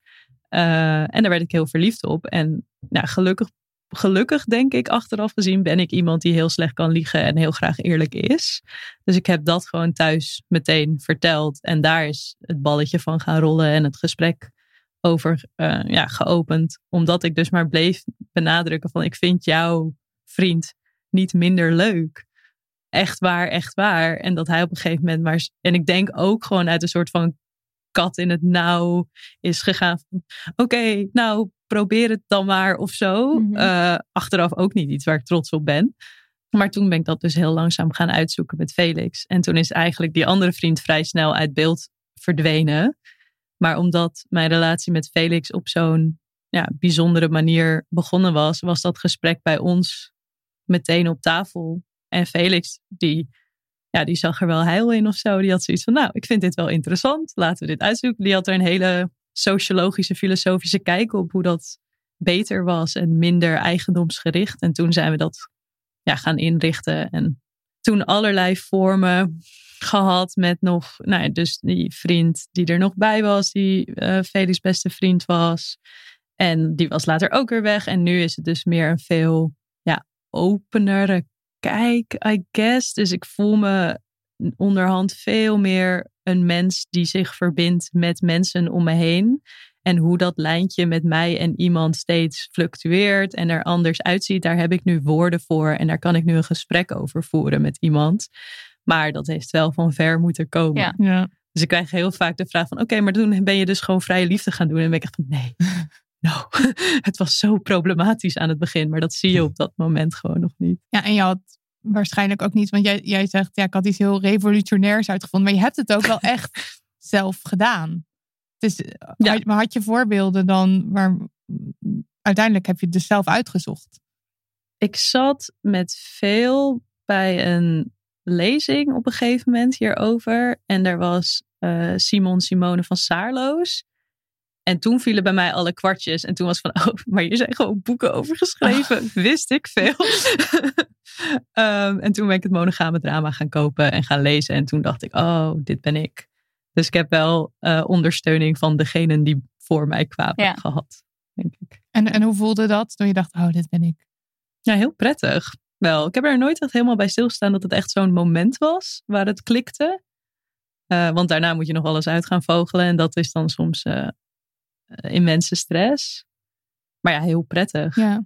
En ik zou ook iedereen aanraden die dit nu luistert en denkt: oh, dit ben ik, om er niet voor weg te lopen. Maar de opties te zien. Ja. En, uh, en jij, Manoy? Wat is jouw uh, ja. Verhaal? Um, uh, wel anders, denk ik. Uh, hoewel het ook heel grappig is dat ik uh, net als Isa en, en nogal, nog eerder zelfs, ik ben, ben op mijn achttiende gaan samenwonen met mijn toenmalige vriendje. dus ik had het, en dat was zelfs een koophuis, want hij had Wow. gewoon een baan en kon dat gewoon. Het was echt zo van bam, meteen. Is dit dan de key misschien? Dat je dan dus heel, alles ja, heel je op gewoon, je moet orde gewoon heel hebt? veel, anders dan lukt het. Dan kun je net niet. ja. Dan kan je niet meer Ja, instappen. uiteindelijk polyamorie komt altijd, altijd daarna pas. Ja. Het is gewoon level 20. Nee, uh, nee, maar de grap is wel dat ik eigenlijk. Ik, ja, ik heb ook niet zo'n gestructureerd verhaal, want uh, het leven is uh, geen gestructureerd verhaal. Maar ik had denk ik wel in mijn tienertijd al door dat ik nou ja, me niet zo kon vinden in het traditionele script. Omdat, om sowieso als, als omdat ik toen al heel, ik wist al heel vroeg dat ik, dat ik queer ben en dat ik gewoon niet in een standaardplaatje zou passen. Maar op een gegeven moment merkte ik ook dat ik dat niet eens echt wilde. En ik weet, uh, er was wel een soort awakening moment toen ik, uh, denk, zat ik op de bovenbouw denk ik. En toen las ik een, um, een interview met Arthur Japin over uh, zijn werk, maar ook over zijn relaties, meervoud.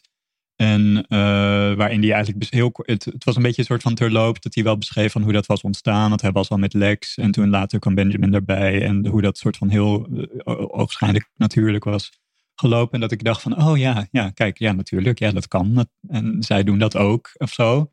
En toen is dat een beetje in mijn uh, on the back burner gegaan. En uh, eigenlijk tijdens dat ik die relatie had met die uh, jongen met wie ik ook een tijdje samen heb gewoond.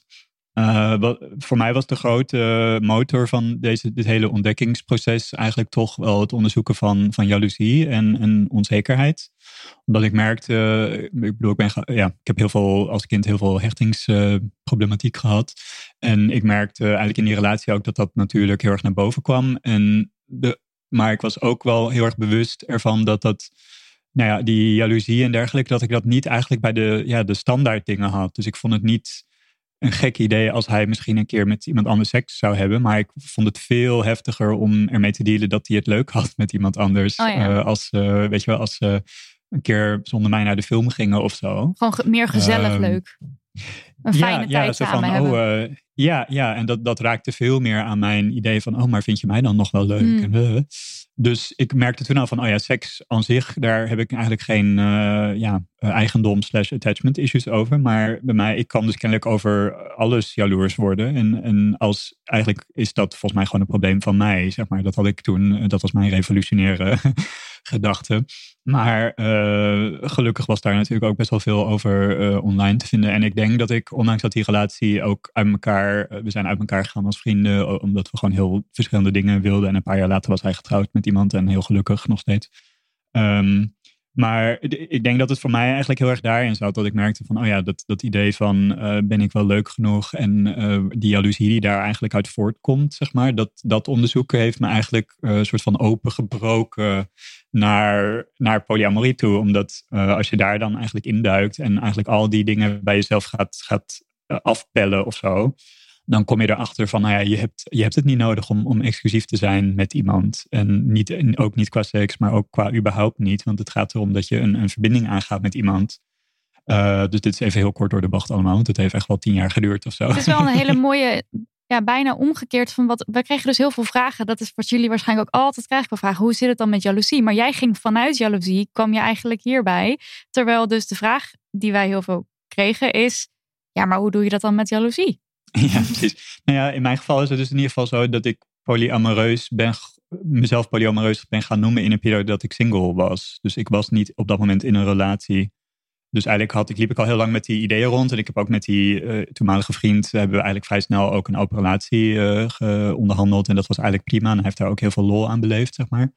Um, ik ook. maar uh, het is pas daarna dat ik mezelf poly ben gaan noemen, omdat ik dat woord dan tegenkwam online. En toen op een gegeven moment kwam ik ook het, uh, het werk van Franklin Foe en Eve Rickard tegen, omdat daar heel veel over online uh, te vinden is.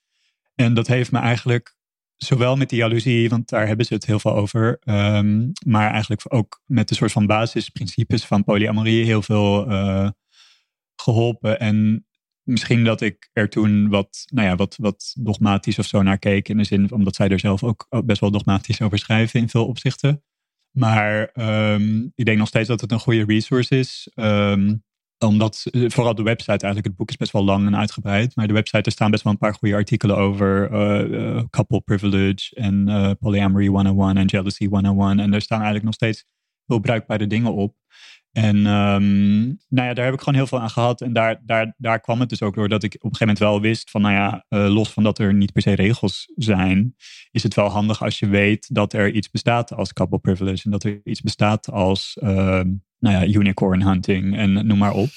Uh, en in plaats van weten van, oh ja, dit is een V en dit is een N en dit zijn alle voor- en nadelen van die voor, dat, dat, dat merk je wel. Wat, wat, dat moet gewoon ontstaan. Dat kun je ook niet forceren. Moet je ook vooral niet willen forceren. Dat is iets wat je dan leert. Zeg maar. Dus je leert eigenlijk een soort van, uh, ja, waarbij alarmbellen kunnen afgaan als iemand zegt van, ja, maar wij doen het zo. Ja. Of wat is vetorecht en zo. En daar heb ik wel heel duidelijke uh, opvattingen over inmiddels. Uh, over wat ik vooral niet wil, zeg maar.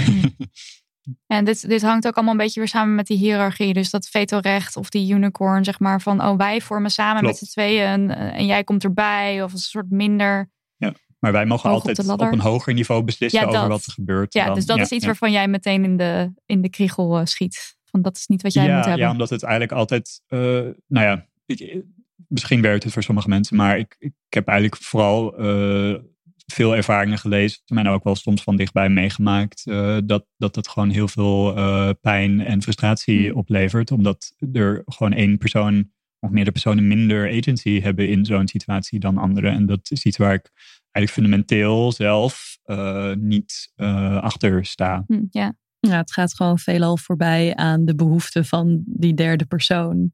Uh, en zeker als jij er daar net aan begint, of het is de eerste keer dat je in zo'n situatie terechtkomt en je denkt alleen maar wat leuk, twee mensen houden van mij, aandacht. Hm. Um, en je komt er na een tijdje achter dat eigenlijk wat jij nodig hebt en wat jouw behoeften zijn, er niet toe doen in dat gesprek. Dat kan ontzettend pijnlijk Hm. zijn. Ja, dus er is een soort uh, de, de, tegenhanger, zeg maar, van uh, als we dan toch uh, af en toe een term droppen, zeg maar, we hebben het even over hiërarchische polyamorie gehad. En ik en denk dat Isa en ik meer in een soort van egalitaire polyhoek zitten. Ja. Dat, dat zijn een beetje de twee tegenpolen misschien. Ja, dus waarin iedereen evenveel te zeggen heeft. Of nou ja, te zeggen. Ja, en dan heb je ook nog je hebt dan ook nog, we gaan lekker op de termen. Uh, je hebt ook nog een, het idee van relatieanarchie, waarin je dus zegt van inderdaad, er is minder, minder regels, minder hiërarchie. Uh, en ik denk dat wij daar van tijd tot tijd inderdaad ook toe neigen. En ook allebei bijvoorbeeld heel prettig vinden om alleen te wonen. Uh, en dat wordt vaak als een hele grote eis gehangen aan, nou ja, toch die relatieroltrap is samenwonen is wel een, een grotere uh, traptreden dan veel andere traptredens. Uh, en wij hebben dat allebei op dit moment niet. En daarom kijken we denk ik ook iets meer vanuit een ik in mijn huis met lijntjes naar buiten toe. Mm-hmm. En dat helpt ook met hoe je natuurlijk ja, je relaties regard in die zin. Mm, en om heel even terug te gaan naar die jaloezievraag ja. ook, denk ik. Want dat is natuurlijk dat is de grote vraag. Eigenlijk, altijd. Ja, want als ik naar Manoy luister, dan, dan is het echt alsof je een soort van er al helemaal boven. Ja, precies. Alsof je dat al helemaal.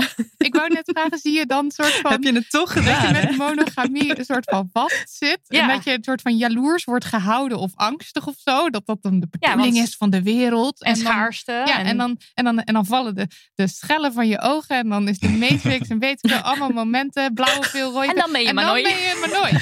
en, maar hoe komt een, de, de, de mens die nog lang niet bij Manoy niveau is? Ja. Hoe, hè? Nou, Laat mij even die brug maken tussen Ja. het verlichte en de normale mens. Ja. Ehm, eh, waar voor mij denk ik het kwartje is gevallen dat inderdaad, hoe, hoe wil ik omgaan met jaloezie? En hoe wil ik een mens worden die niet meer zegt, maar ik ben gewoon heel jaloers. eh, is door het niet meer te gaan zien als iets wat in je mens zijn zit, dus in jou als individu zit. Zoals, nou, ik eh, ben iemand met eh, blond haar Mhm. of ik ben het een of het ander. Nou ja, nu zijn daar ook vraagtekens bij te stellen of je 80 jaar, 90 jaar altijd hetzelfde blijft. Maar zeker dat ik jaloezie ben gaan zien als niet een op zichzelf staande emotie die vastzit aan mijn persoon, maar als iets wat me van tijd tot tijd overkomt Mhm. en me wil informeren over wat er gebeurt. En daar ook mee om te gaan zoals ik ook met andere emoties omga. En eigenlijk hem ook te zien als niet een bestaand concept, maar een woord wat wij zijn gaan gebruiken als een bepaalde emotie opkomt in een specifieke situatie. Want als ik jaloezie ervaar op mijn werk, zeggen we gewoon: ach, iemand had zo eh, had. ehm, eh, heeft een promotie gekregen, dat wou ik ook. Dan ben ik, noemen we wel jaloers, maar we bedoelen eigenlijk, ja, ik wou ook een promotie en ik ben verdrietig of boos of geïrriteerd of ik voel me vaak tekort gedaan, Mhm. want je vindt dat jij ook je werk goed hebt gedaan. En wanneer dat in liefde gebeurt, vinden we jaloezie een soort van valide eh, stuwkracht om iets van iemand af te nemen of te eisen of te zeggen, ik ben jaloers, dus jij mag niet. En door jaloezie dus steeds te gaan ja, ondervragen en zeggen, oké, welke emotie zit er eigenlijk onder? Wat wil ik dus eigenlijk? En vind ik echt dat ik het recht heb om dat van een ander te vragen of om dat op te eisen? Of moet ik dit zelf op gaan lossen? En eigenlijk kom je dan, kom je dan toch wel een goede, weet ik veel, pak een beet 90% erop uit dat het wel echt je eigen verantwoordelijkheid is. En dat je dus vaak inderdaad toch wel door monogamie hebt aangeleerd dat je dingen mag eisen van iemand. En zodra jij de stap neemt dat je dat vindt dat dat niet mag, dan moet je er dus ook aan gaan geloven dat, jij steeds met je emoties om moet gaan. En dat jaloezie je eigenlijk iets probeert te vertellen over wat je tekort komt. Dus ook een soort verschil tussen eh, eh, monogamie als, als ja, eh, beschrijving van een situatie en een soort van hele cultuur die monogamie als hoogste goed ehm, heeft. Want in die cultuur, monogamie cultuur als het ware, daar is eh, jaloezie eigenlijk vaak wordt ook gezien als een soort indicatie van dat iemand echt heel belangrijk voor je is. Dus het is bijna niet los van elkaar te zien in die context, zeg maar. Dus als je daar eenmaal in gaat prikken, eh, dan eh, hoeft niet eens per se monogamie als keuze of zo eh, helemaal eh, onderuit te vallen, maar eh, al die andere dingen wel, zeg maar. En dan ga je ook inderdaad afvragen van ja, waarom wil ik eigenlijk seksuele, exclusiviteit? Want monogamie betekent vaak in de praktijk niet seksueel exclusief, maar eigenlijk ook emotioneel exclusief en misschien in nog veel giftigere situaties van dat, dat vrouwen bijvoorbeeld niet echt mannelijke vrienden mogen hebben en zo. Dat, ik hoop dat dat ook ehm, minder voorkomt nu dan misschien vroeger. Maar eh, ja, dus er hangen nog heel veel ideeën aan of zo. En om even het idee weg te nemen dat, dat ik nu een soort uh, goeroe ben, zeg maar. Ik ben nog heel vaak jaloers. Ja, Uh. Uh, maar dat, ja, en dat is nog steeds, het kan nog steeds echt heel naar zijn om dat, dat te voelen. Want het is gewoon een heel vervelend gevoel. Um, maar ik ben er inmiddels wel gewoon, en dat is eigenlijk wat je jezelf vooral leert, maar is bedreven in worden om dan te denken van, oh, ik voel dit. Oké, okay, waar komt het vandaan? Ja. Wat heb ik, uh, hoe, hoe, zit ik in mijn vel vandaag? Uh, wat is er gezegd? Waar leek het op? Wat dacht ik er zelf bij? Weet je wel, dat, het is heel veel werk. Het is eigenlijk ja, mentaal. Het is altijd uh, makkelijker. Je leert vet veel over jezelf als ik het zo Precies, hoor. Ja. ja. Want je gaat Absoluut, echt even ja. met jezelf zitten of zo. Of je neemt er echt een moment voor. En eh, gaat dat ook sneller na verloop van tijd? Ja, waarschijnlijk wel. Uh, nou ja, ik Soms heb het wel, wel, minder vaak dan vroeger. Ik zit ook gewoon echt beter Ja. in mijn vel. En die dingen kun je ook weer niet helemaal los van elkaar zien. Maar, want uh, het is namelijk ook niet zo dat als we zeggen... Uh, je moet het dan zelf oplossen, dat je daar geen hulp bij mag vragen. Want natuurlijk, daar heb je ook je partners voor, zeg maar. Om, als je denkt van, ik ben hier onzeker over, kunnen we daar eens over hebben. En dat die persoon kan zeggen van, ja, maar waarom twijfel je daar dan aan en hoe zit dat dan? En dat, dat je een, gewoon een gesprekspartner daarin hebt, dat is natuurlijk wel heel fijn. Maar dan leg je niet de verantwoordelijkheid voor jouw gevoel bij diegene. Uh, en dan eis je ook niet dat diegene hun gedrag aanpast. En dat is misschien het grote verschil met hoe, hoe normaal gesproken met, met jaloezie uh, wordt omgegaan. Ja, maar ik zeg natuurlijk ook niet dat alles helemaal je eigen probleem is, inderdaad. Je zit nee, nee, vaak ik zeg het in meer voor de luisteraar. Ja, ja precies. Ik heb het ook tegen de luisteraar. um, maar ja, ook om te zeggen, heb, stel jij hebt tien keer een behoefte aangegeven en een partner heeft tien keer gezegd, okidoki ga ik doen en ze doen dat niet, dan is dat super vervelend. En dat gaat volgens mij niet over jaloezie, dat gaat over slechte communicatie. Als jij niet gezien wordt. Ja. En, uh, en uh, ja, eventjes terug nog naar jullie verhaal. Uh, als je dan denkt, oké, okay, ik heb mezelf, nou ja, ik herken mezelf in die lezing. Of ik herken mezelf en ik weet nu dat dit iets voor mij is. Ga je dat vertellen aan, aan je omgeving? Of is dat niet iets, ja, het lijkt me iets waar, waarover je in deze wereld uh, van waar de norm monogamie is, waar je over uit de kast kunt, moet komen. Hebben jullie een uit de kast moment? Hm. Hm. Uh, nou ja, mij, uh, voor mij is dat ehm, heel duidelijk in die zin, omdat ik dus, eh, wat ik al eerder zei, ik ben mezelf pas echt polyamoreus gaan noemen in een periode waarin ik eigenlijk single was. Um, en daarmee bedoel ik dus ook dat ik dat wel inderdaad aan een soort van ging, ja, Vertellen, zodanig ging benoemen. Ja. Ja, ja, en ook als ik dan uh, op dating apps of in real life mensen tegenkwam, uh, dat ik dan eigenlijk bij voorbaat al een beetje uh, zei van, nou ja, dit is hoe ik naar relaties kijk. En ik, ik zie niet per se, um, als, als, ja, ik, relaties hoeven voor mij niet exclusief te zijn of iets in die trant. dan hebben we het over tien jaar, acht à tien jaar geleden. Um, dus ik ben wel voor mezelf op een gegeven moment die, die switch gaan maken van dit is iets wat ik eigenlijk gewoon op tafel leg. Um, en dat, ja, het is niet zo dat, uh, dat er dan meteen uh, duizenden mensen zijn uit wie je kunt kiezen. Want ik denk dat nog steeds de spoeling vrij dun is als het gaat om mensen die hier echt voor openstaan. Maar uiteindelijk heeft dat er wel toe geleid dat, dat mijn leven er nu uit uh, ziet zoals het eruit ziet. In de zin dat ik, nou ja, als ik er dan toch een label op moet plakken, dat ik soort van twee relaties heb die heel dichtbij staan. En nog een soort web van hele fijne andere connecties die daar ook heel dichtbij in de buurt komen. Maar dat is wel ooit begonnen met dat ik uh, ja, toch anders daarover ging communiceren. En ook dus nooit iemand uh, dichtbij liet of zo. Op die manier die de verwachting had dat ze met mij iets exclusiefs konden beginnen. Dus die filter je dan toch uit door daar bij voorbaat open over te zijn. Ja.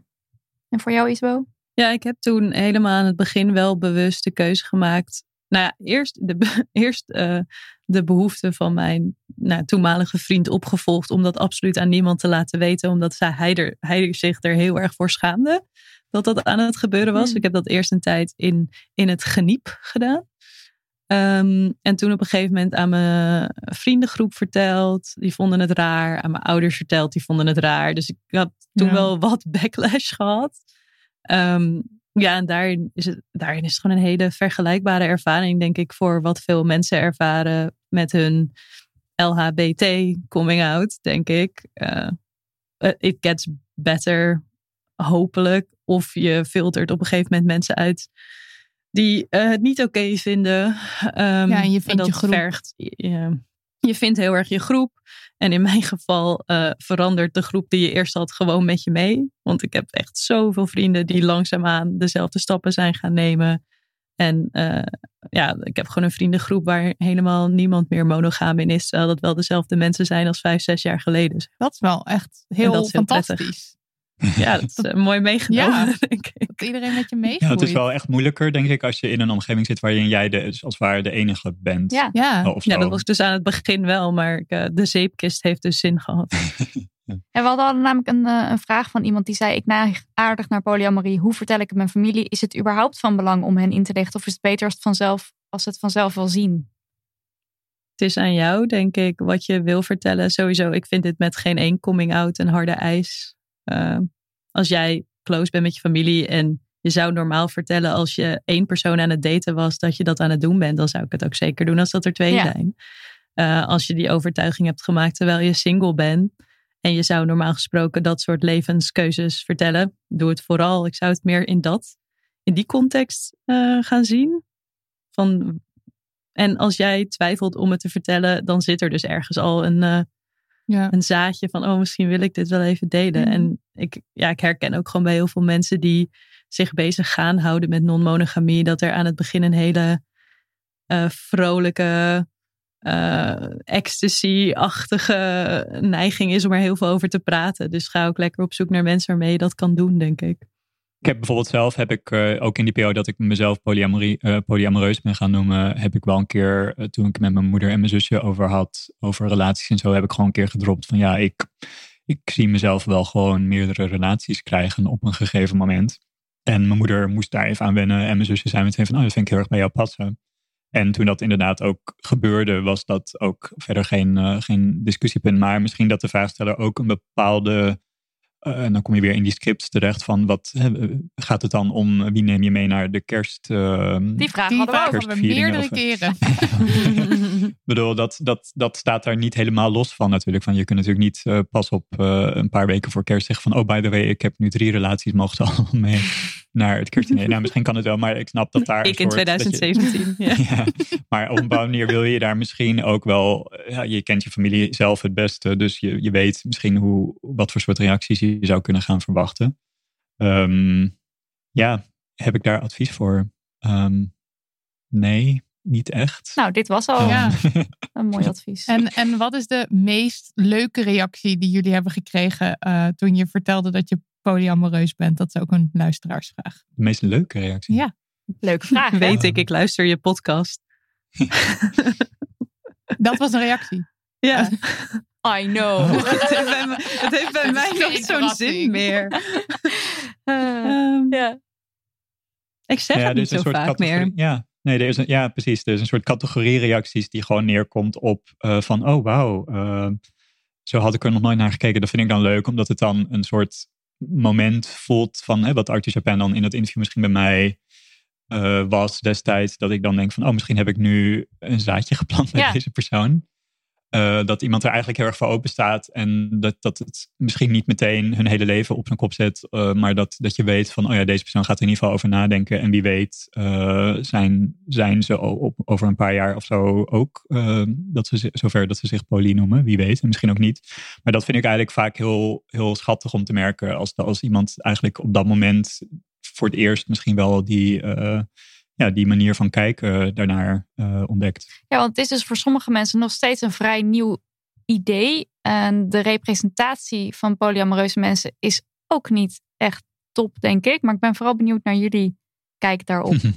Ja, Eh, nou, ik merk inderdaad dat je zegt van het is niet heel bekend. Ik merkte dat toen we het hier gisteren even over hadden.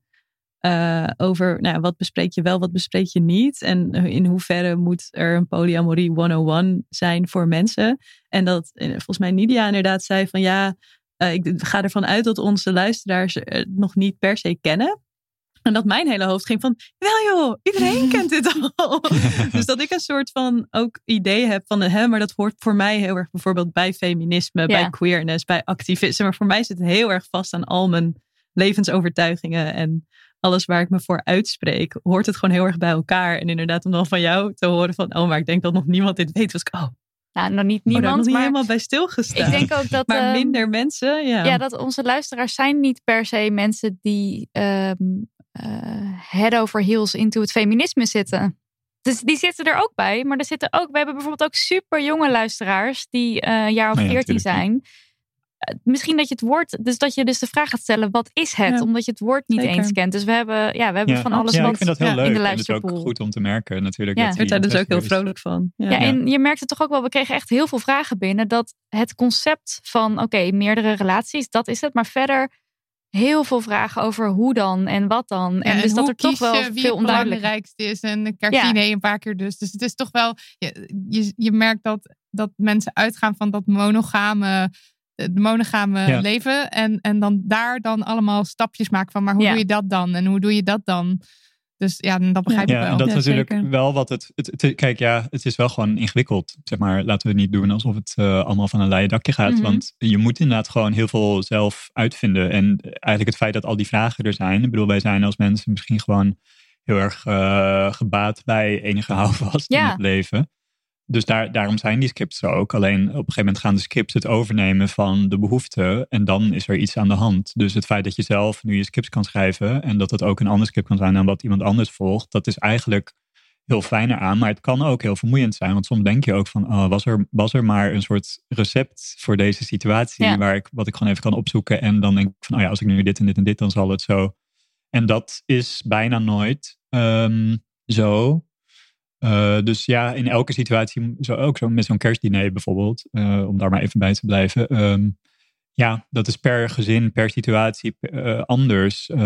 Je kunt, daar is niet gewoon één, één oplossing voor te bedenken. En het hangt ook af van, bedoel, hoe, hoe groot is de ruimte waar je in gaat? Ik bedoel, je, hoe, hoe ver wil je... ik, ik heb ook wel eens een periode gehad dat ik dacht van, nou, ik ga gewoon in mijn eentje naar, met kerst. Ik heb geen, sowieso niet per se behoefte om iedereen mee te slepen of zo. Maar eh, ik vind het ook prima om gewoon zelf even met mijn familie te zijn. En Ja. bedoel, dat kan ook. En dus als je bij allerlei dingen denkt van, dit is allemaal een optie dan, ja, dan moet je gewoon daar zelf een keuze in maken. Maar dat is natuurlijk ook een van die eh, regels die maar bedacht is. Van oh, kerst vier je met je familie en je partner moet echt mee. Dus als je niet meegevraagd wordt, dan is jouw relatie... Dus dat zijn natuurlijk ook alweer Ja, ja, allemaal ja. regels Ja, die... eh, ja. soms heb je ook een partner die daar zeg maar, zelf nog heel erg mee zit natuurlijk. En ik weet niet of dat bij me nooit was dat jaar dat je in je eentje ging, zeg maar. Dan heb je soms iemand tegenover je die echt is van... ja, ik weet dat het echt niet zo is, maar voor mijn gevoel ben ik nu Hmm. niet met Ja. jou. Of hoor ik niet bij jou. Of zijn wij niet samen. En dat is super zwaar en heftig. En dat is ook niet makkelijk. Want zo'n idee kan natuurlijk gewoon heel diep in je gevoelswereld zitten. Dat Ja. is gewoon heel vervelend. Ja, jullie begonnen net ook over representatie. Ja. En je, Ja. en je merkt ook uit mijn, uit mijn verhaal hoe belangrijk het dan bijvoorbeeld voor mij was om op jonge leeftijd toch even zo'n interview met zo'n Artie Japan te Ja. lezen. Want ehm, kijk, ik vermoed, ik was gewoon heel vroeg al heel veel op het internet. En ik vermoed dat ik al heel vroeg alsnog wel hierin zou zijn beland. Eh, maar dan nog, ook, het, ja, het geeft je toch een soort van toestemming of zo om anders te denken dan de, de geldende norm. Als je mensen ziet doen, eh, dat ziet doen. Dus eh, nou ja, we in deze podcast niet het belang van representatie in het algemeen nog een keer te benadrukken. Maar dat geldt natuurlijk ook voor, voor polyamorie. Eh, en niet per se omdat het nou eh, in alle opzichten beter is of zo. Hoewel ik denk dat het voor heel veel mensen goed zou zijn als ze over deze dingen na zouden denken. Ook als ze ervoor kiezen om monogaam te zijn.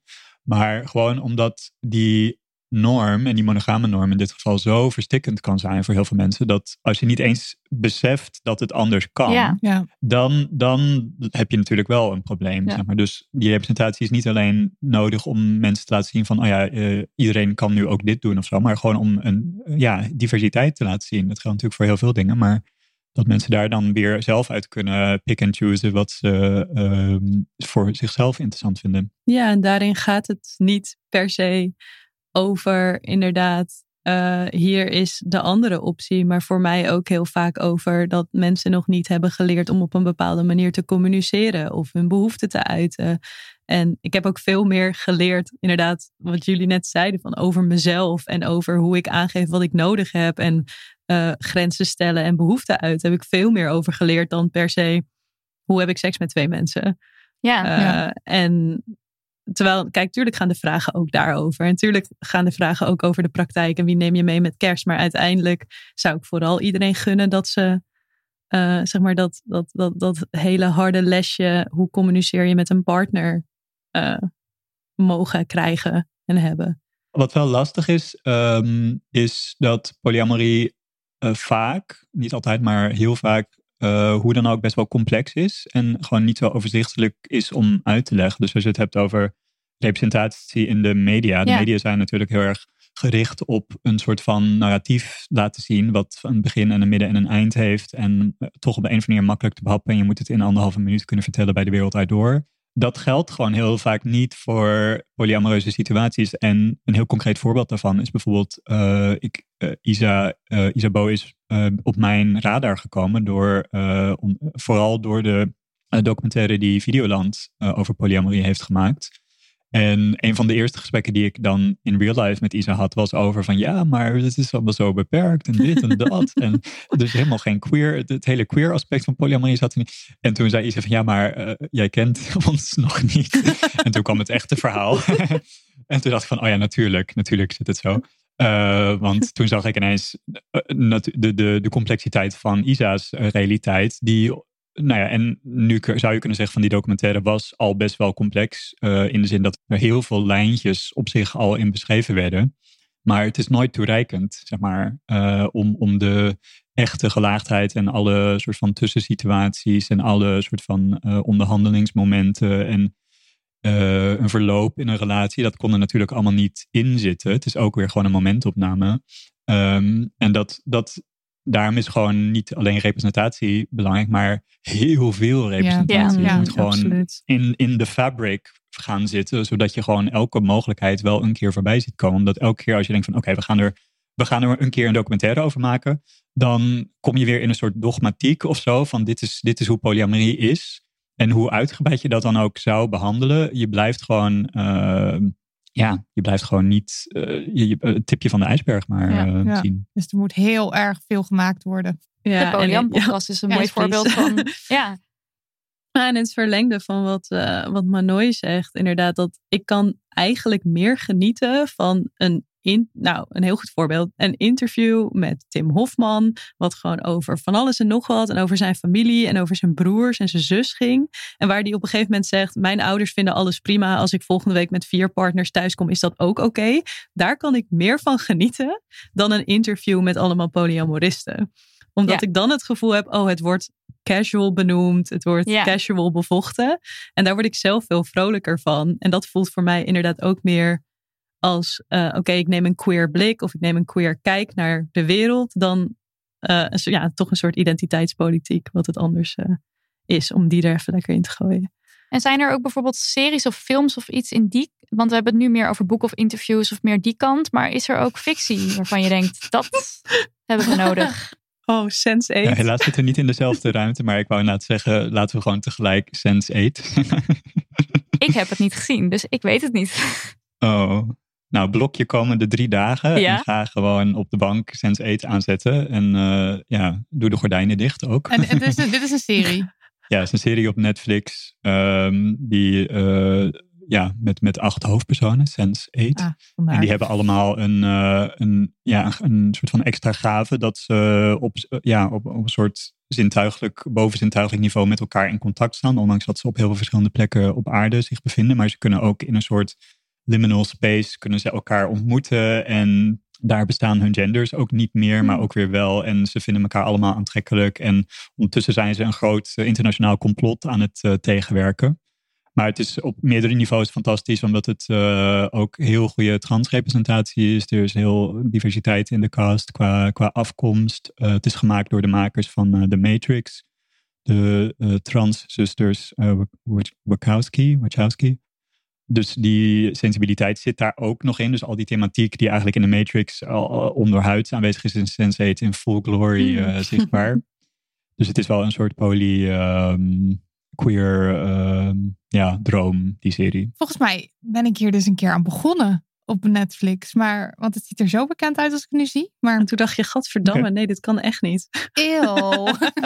nee, ik Al die mensen ik... gaan met elkaar. Hoe, hoe, heb je hem uit kunnen zetten? Een van de eerste scènes is gewoon een super, super ik heb geen idee. lekkere ik ga seksscène met een, met een druipende dildo. En het is een soort van alles, ja. Misschien was alles. het nog ver voor mijn awakening of zo. Ik, mm. weet, ik weet het niet, geen idee. Het, het ziet er heel bekend uit. Maar ik, ik ben wel vaker van dat ik aan een serie begin of hem helemaal kan bingen. En dan alles vergeet. Dus, Oh, en dan gewoon ook opnieuw kan kijken alsof ik hem nog nooit gezien heb. Dus ik ga dat doen. Ik wou dan, dat ik dit opnieuw kon kijken alsof ik het nog nooit gezien had. Ja. ja dan moet je mijn brein hebben, wat soms gewoon helemaal leeg wordt. Moet je dat willen alleen, jouw Ja, brein? nee, dat is voor series dus wel leuk. Ik heb nog een luisteraarvraag. Ik vind het zelf een leuke vraag. Zien jullie polyamorie als een bevrijding waar iedereen naar zou moeten streven? Of zien jullie het meer als een van de smaken waar ieder zijn voorkeur in heeft? De eerlijke mening. Kijken jullie Maar, meer ehm, op monogame eh, stellen?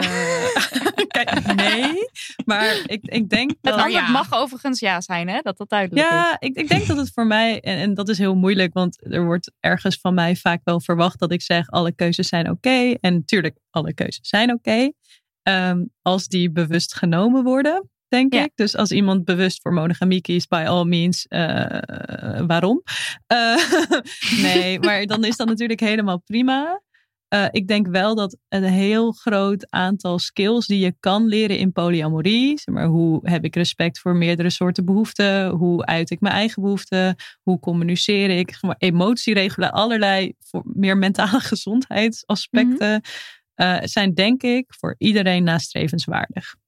Hier zou gewoon les over gegeven moeten worden op school. Ja, ja, zeker. Ja, maar tegelijkertijd denk ik dat je dat het misschien op papier, dat het meemaken, dus eigenlijk die Ja, hele reis die ja. jullie al gemaakt Ja. hebben, en waar wij nog zo'n beetje zo onderaan de berg zo, nou, eh, geen idee, dat je dat ook, je moet het ook ervaren misschien om het, het Ja, om het te kunnen. Maar je Ja, kan natuurlijk te wel, net zoals we het bijvoorbeeld hebben over dat, eh, dat seksuele voorlichting dan, dan super beperkt is. En waar we het eigenlijk ook liever zouden hebben over consent en communicatie en zo. ja, Eh, dat zou, het is een soort van basic communicatielessen. waarover Gewoon gesproken echt, zou ja, moeten dat worden, je gewoon praat met Ja. elkaar. En dat, dat Ja. kinderen dat dan dus al doen. En ik heb niet het idee dat dat Het al ligt in het is. verlengde van zoveel dingen. Eh, er is voor fatsoenlijke polyamorie ook nodig dat eh, mannen leren hun emoties prettig te kunnen uiten en daarin gerespecteerd worden. Anders werkt het ook niet. Dus het is niet een op Mhm. zichzelf staand thema, denk ik. Ook al lijkt het misschien zo als je meer nog vanuit die monogame cultuur beargumenteert. Dat het gewoon één switch is. Ja, en ehm, enerzijds eh, om, de- een soort van eh, school en, en opvoeding, daar is, dat is natuurlijk een heel groot onderdeel. Want laten we het, ook niet vergeten dat die monogame cultuur, als het ware, dat die niet eens per se vanuit de, de, de school, eh, opvoeding, seksuele voorlichting komt, maar die komt juist vanuit de media en juist vanuit de boeken en juist vanuit hoe de hele maatschappij is ingericht. Dus dat, dat, moet, dat moet natuurlijk überhaupt op de school. Maar dat geldt niet alleen voor hoe we naar relaties kijken, maar ook hoe we naar vrouwen kijken en naar eh, alle, allerlei vormen van marginalisatie. Dus nou ja, dat, dat is heel kort eh, te beantwoorden. Maar ehm, om nog even terug te komen op dat idee dat polyamorie als het ware de top van de, de berg is en een soort verlichtingsideaal is. Ook in polyamoreuze kringen gebeurt, eh, is er misbruik en ook is er, eh, zijn er machtsverhoudingen die mislopen. En eh, om dat ook maar even te benoemen rondom de auteurs van More Than Two, dus Franklin Vo en Eve Rickert, ehm, is ook best wel veel controverse de, het afgelopen jaar, afgelopen twee jaar ontstaan, omdat daar ook best wel wat problematische emotionele manipulatie eh, of erger eh, aan te pas is gekomen in hoe zij hun eigen relatie hebben ingericht. En eh, daar is nu best wel binnen een soort van Amerikaanse polyamorie community is er best wel veel onderzoek en discussie over van ja, wat zijn eigenlijk de, de, de valkuilen van bepaalde vormen van polyamorie. En ehm, bijvoorbeeld het idee dat iemand die polyamoreus is per definitie die jaloezie-issues heeft doorgewerkt, dat is ook niet zo.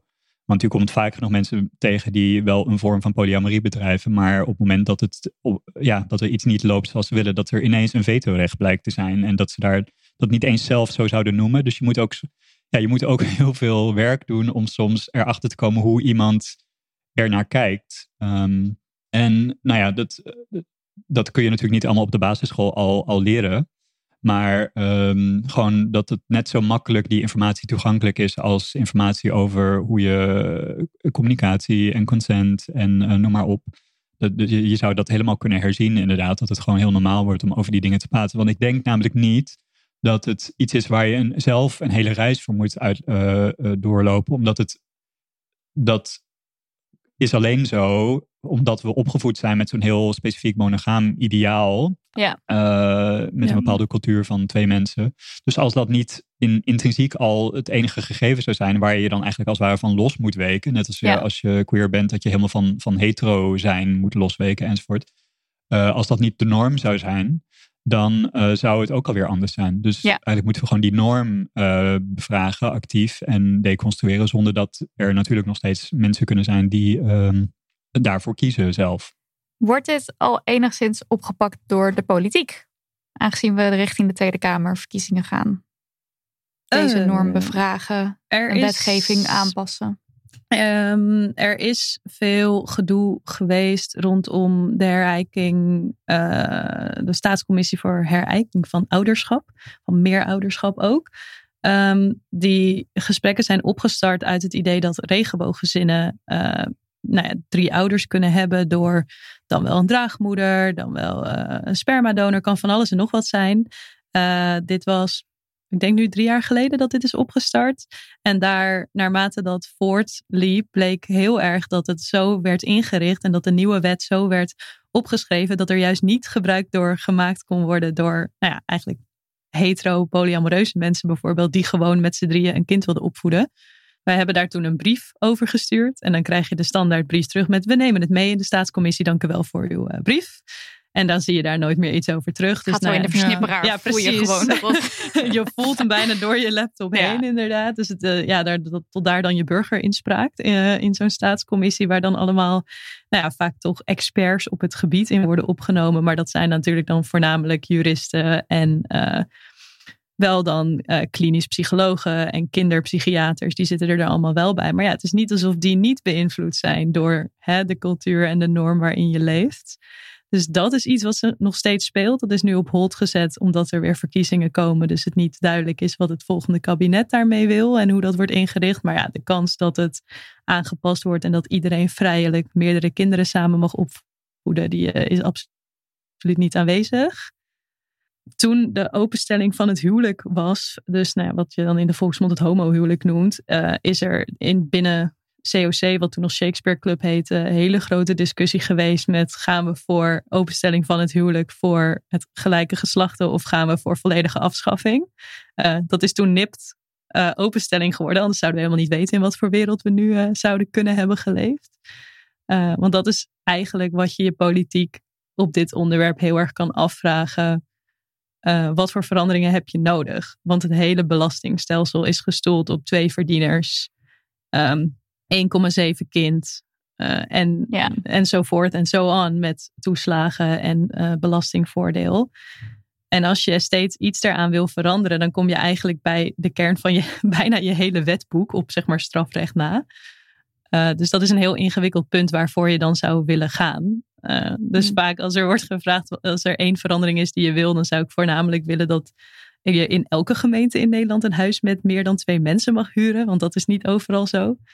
Uh, en waarmee je meestal iedereen wel meekrijgt in dit soort ideeën, is door te zeggen: ja, maar jij wilt toch ook gewoon zelf bepalen aan wie je je, um, je geld schenkt als je overlijdt. Want dat mag dus ook bijvoorbeeld mhm. alleen aan uh, met bij voorkeur familie of partner en niet wie jij wil. Oh, met een erfenis ook echt. Ja. Dan mag je dat alleen maar doorgeven. voordeel als je het aan familie of partner geeft. Oh, ja. oké. Ja. ja, ja. Uh, dus er zijn allerlei dingen die anders zouden kunnen. Politiek dit jaar is net iets anders dan vier jaar geleden. Nou ja, we hebben een, uh, moet dan wel even shout-out doen natuurlijk. Er is een uh, Tweede Kamerlid op dit moment dat polyamoreus is. Dat is Tom van den Nieuwenhuizen, denk ik, als ik het niet verkeerd zeg. Uh, voor GroenLinks zit hij in de Tweede Kamer, staat ook weer op de lijst. Tom Nieuwenhuizen. Tom Nieuwenhuizen, geen van den, geen, geen extra's.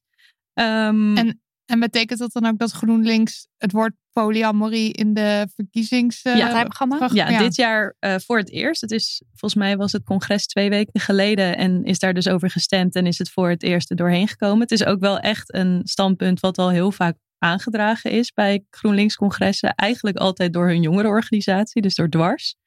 Want die hebben het eigenlijk altijd al in hun, zeg maar, extra programma staan van wat dwars eigenlijk zou willen. Dus dat is ook weer interessant om te zien dat dat dan toch ergens weer vanuit jong naar boven wordt gestuurd.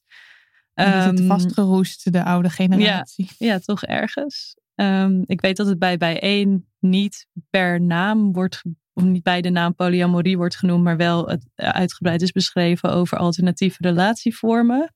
En hoe daar net zoveel belastingvoordeel bijvoorbeeld voor zou moeten zijn als voor elke andere vorm. Nou moet ik zeggen dat ik het van veel andere partijen niet heel goed weet, maar het is echt nog zo'n non-onderwerp. Ja. Omdat je dus een heel, eigenlijk een heel onderliggend systeem gaat aanpassen als je hier je ja, gaat voor uitspreken. Het tegenovergestelde is heel erg een onderwerp. Ja. CDA, ja. Uh, ChristenUnie, uh, gezin, hoeksteen van de samenleving. En gezin is in die overtuiging toch eigenlijk nog wel man trouwt met vrouw. Misschien man met man. Dat dat nog uh, bij het CDA misschien nog wel, dat weet ik eerlijk gezegd niet. Maar um, ja, het is natuurlijk nog heel ouderwets en heel uh, ja, Calvinistisch. Of heel, uh, dat dat echt zo helemaal diep in die Nederlandse... Conservatief. Conservatieve, dus. ja. Dat dat het gezin zo belangrijk is. En dan dus niet het gezin zoals je het zelf zou willen vormgeven. Maar... Nee, echt een heel traditioneel normgezin. Ja. ja, en het wordt dus jammer genoeg ook niet meegenomen. Nou ja, jammer genoeg, liever dat het er niet was, maar ook niet meegenomen in een soort neoliberaal gedachtegoed. Want ergens zou je kunnen denken dat vrije liefde iets heel vrijdenkends is. Maar het wordt dus bijvoorbeeld door een VVD is dat natuurlijk absoluut geen optie. En uh, willen jullie delen waar je op wil stemmen, waar je op gaat stemmen of waar je je wel thuis voelt? Of uh, hou je dat liever voor jezelf? Mag ook gewoon zeggen, ik houd het voor mezelf hoor. Ja, ik, eh, ik wil heel graag dat bij één de Kamer inkomt. Dus ik ga op bij één stemmen. Ja, ik ook. nou, dat is duidelijk. Ja. Dat is een klein stemadvies voor de, Voorbij heen. voor de luisteraar. ja, oké, dan we moeten dit gaan afronden. Ik Maar, denk oh, ehm, wacht, nee. één één- oh, ja? laatste vraag nog, denk ik, voor mensen. eh, want die kwam ook wel redelijk vaak wat doe je met dat kerstdiner? Nee. Nee. Oh ja, dat kerstdiner. Eh, tips voor eh, mensen die polycurious zijn. Of voor mensen die er misschien in willen. Oh, hoe eh, zou, je ze iets adviseren? Een soort van tip meegeven als je daar... De Polian podcast luisteren. Ja, Dat, lijkt me tot tip nummer één. Dat is Mijn zo. podcast luisteren. Beginnen bij aflevering 6 of zo. Want daarvoor heb ik slechte microfoons. Maakt niet uit. Dit is trouwens, dit is trouwens een, iemand die vraagt: eh, daten de single mensen die polycurious zijn? Want je kan natuurlijk ook in een relatie zitten en Ja. polycurious zijn. Ehm, ik denk, dit is misschien een, een beetje een rare tip, maar die heeft mij heel erg geholpen. Ehm, ik dacht op een gegeven moment, er is helemaal niemand die dit wil en niemand die dit vindt. Ehm, en toen heb ik heel veel rust gehaald uit het idee dat ik het ook ooit niet wilde en niet vond en niet kende. En dat het dus bij iedereen nog mogelijk is. Dus om niet het zo te zien van er zijn mensen die dit niet doen en er zijn mensen die dit wel doen. En dat groepje die het eh, wel doet is maar heel klein. Uh, dus heb hoop dat je het ook met iemand kan gaan uitvogelen. Ja, ik heb wel het gevoel dat er t- hoe dan ook meer bekendheid over aan het ontstaan is. En uh, ik heb ook, dat kan allemaal confirmation bias zijn hoor, maar ik heb ook het idee dat er in ieder geval heel veel meer mensen voor openstaan. Dus los van dat ze misschien zelf ook, ook uh, prima in een monogame relatie zouden kunnen stappen, dat ze ook wel ruimte zien voor uh, vormen van polyamorie. Um, en nou ja, wat ik zelf natuurlijk heb gedaan, dat, uh, wat ik al eerder zei, is, is uh, denk van nou ja, dit is wat, ik, wat mij fijn lijkt. Laat ik dan maar ook dat naar de buitenwereld toe zo gaan presenteren. En dan is dat in zichzelf ook een, uh, een filter, omdat de mensen die daar echt helemaal niks van moeten weten, die, nou ja, die laten dat echt wel merken aan je. En de mensen die het toch wel spannend vinden, die, die blijven dan een beetje rondhangen. En de mensen die er eigenlijk ook heel erg ja, hetzelfde in staan, of in ieder geval in de buurt komen van hoe jij ernaar kijkt, daar, daar kun je dan uh, ja, ook wel gesprek mee hebben. En wat ik ook uh, al had genoemd is, uh, kunnen we ook, wat mij betreft, um, als jullie dat oké okay vinden, kunnen we wel gewoon linken naar morethan2.com. omdat daar wel weliswaar in het Engels, maar er staan wel een paar hele fijne artikelen op. Um, die toch even heel helder, bazaal een paar dingen uiteenzetten waar je over kan nadenken. Um, als je gewoon je gedachten hierover een beetje wil, wil ordenen. En dan met de kanttekening van het is ook niet allemaal perfect wat er staat. En uh, de mensen die het hebben gemaakt zijn ook maar mensen. En je moet ook vooral zelf blijven nadenken over hoe je het zelf wil. We zullen er naar linken op uh, demoney.nl slash aflevering streepje 61. Dus daar kunnen mensen het vinden. En daar zullen we ook jullie uh, uh, Instagram handles en de podcast en alles. Zodat mensen een beetje door kunnen gaan klikken. Yep.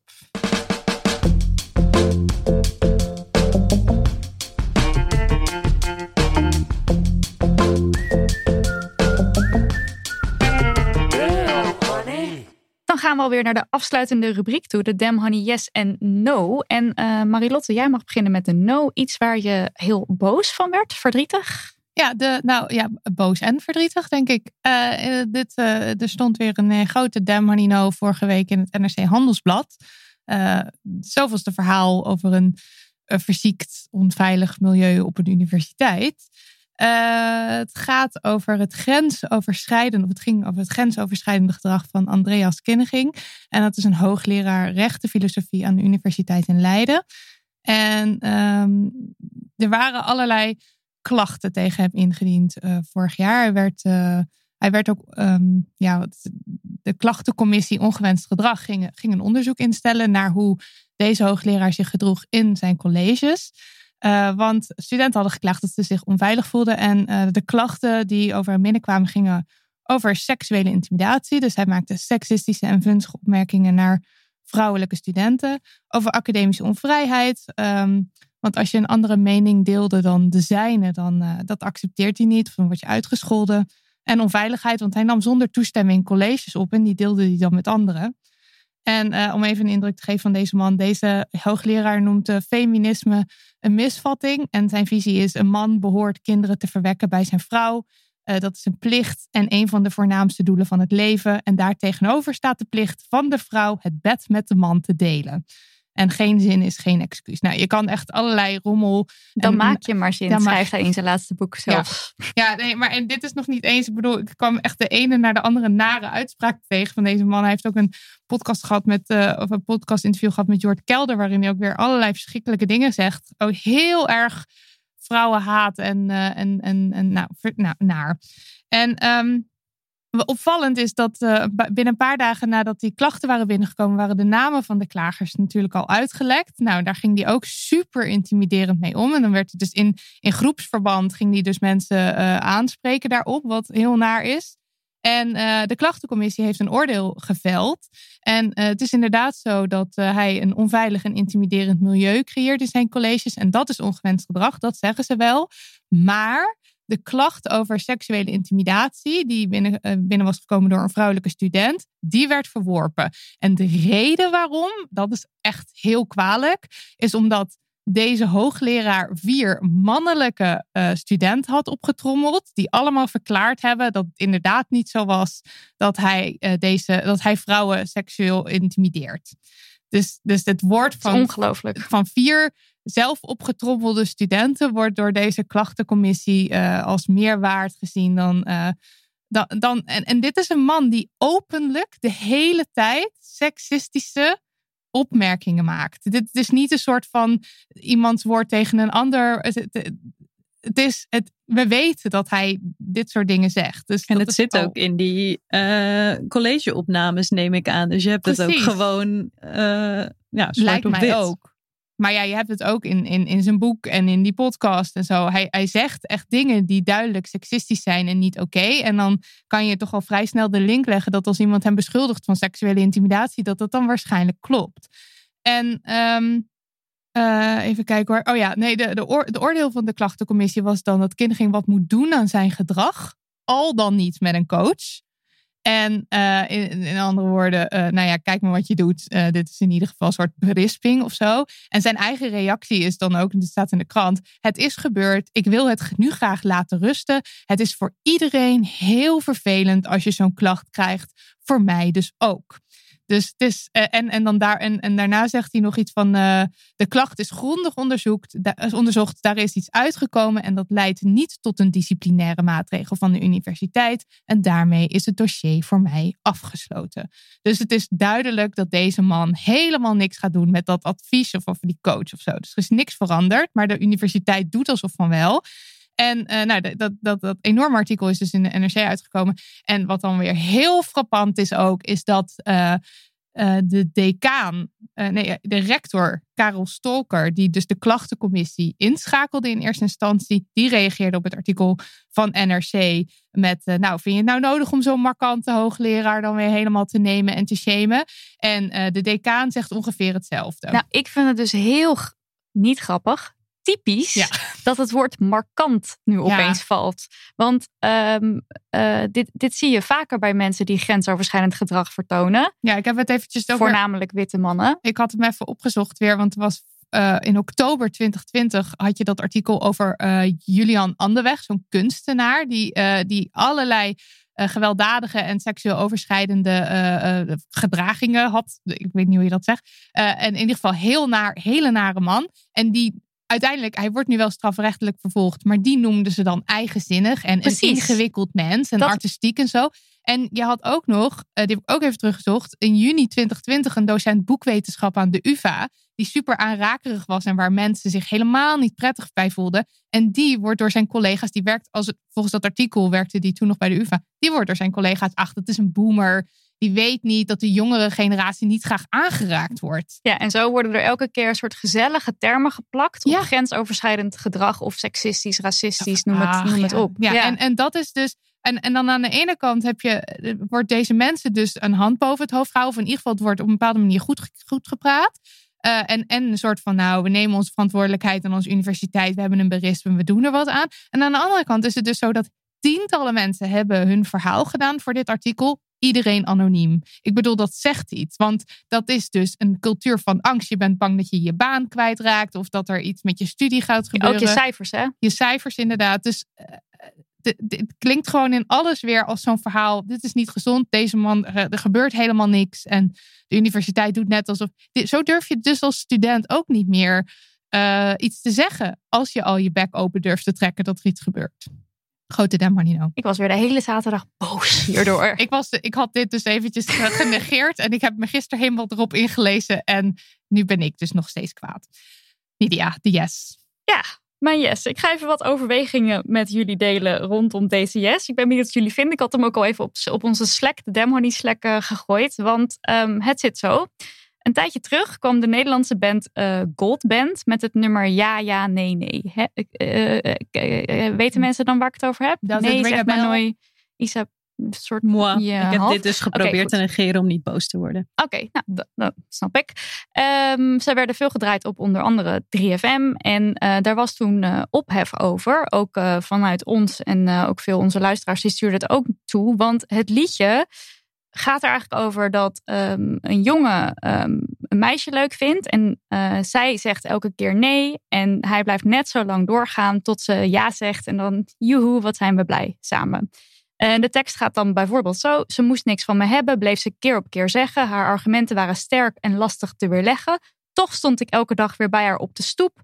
Nooit mocht ik naar binnen, telkens had ze, had ze bezoek. Ja, ja, nee, nee, daar trap ik niet in. Ja, ja, nee, nee, nee, jij wordt mijn vriendin.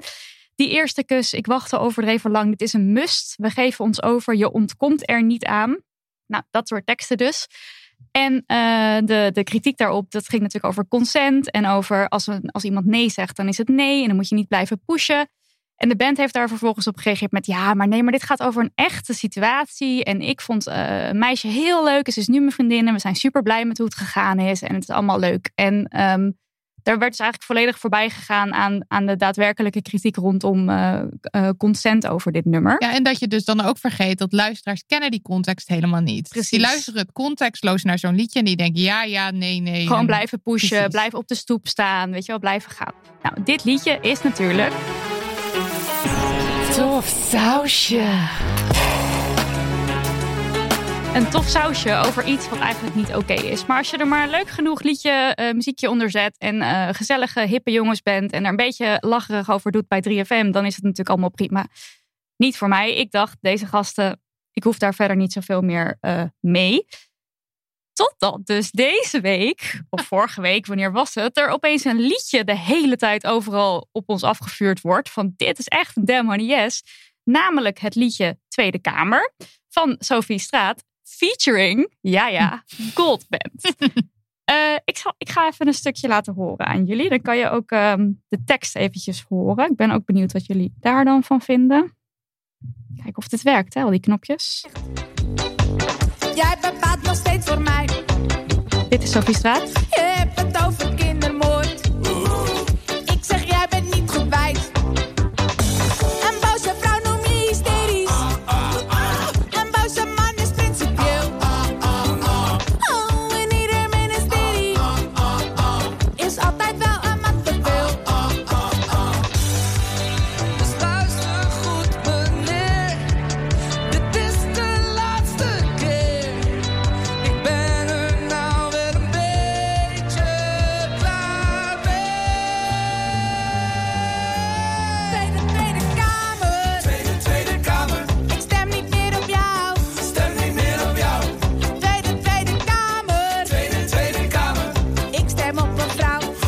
Stem op een vrouw.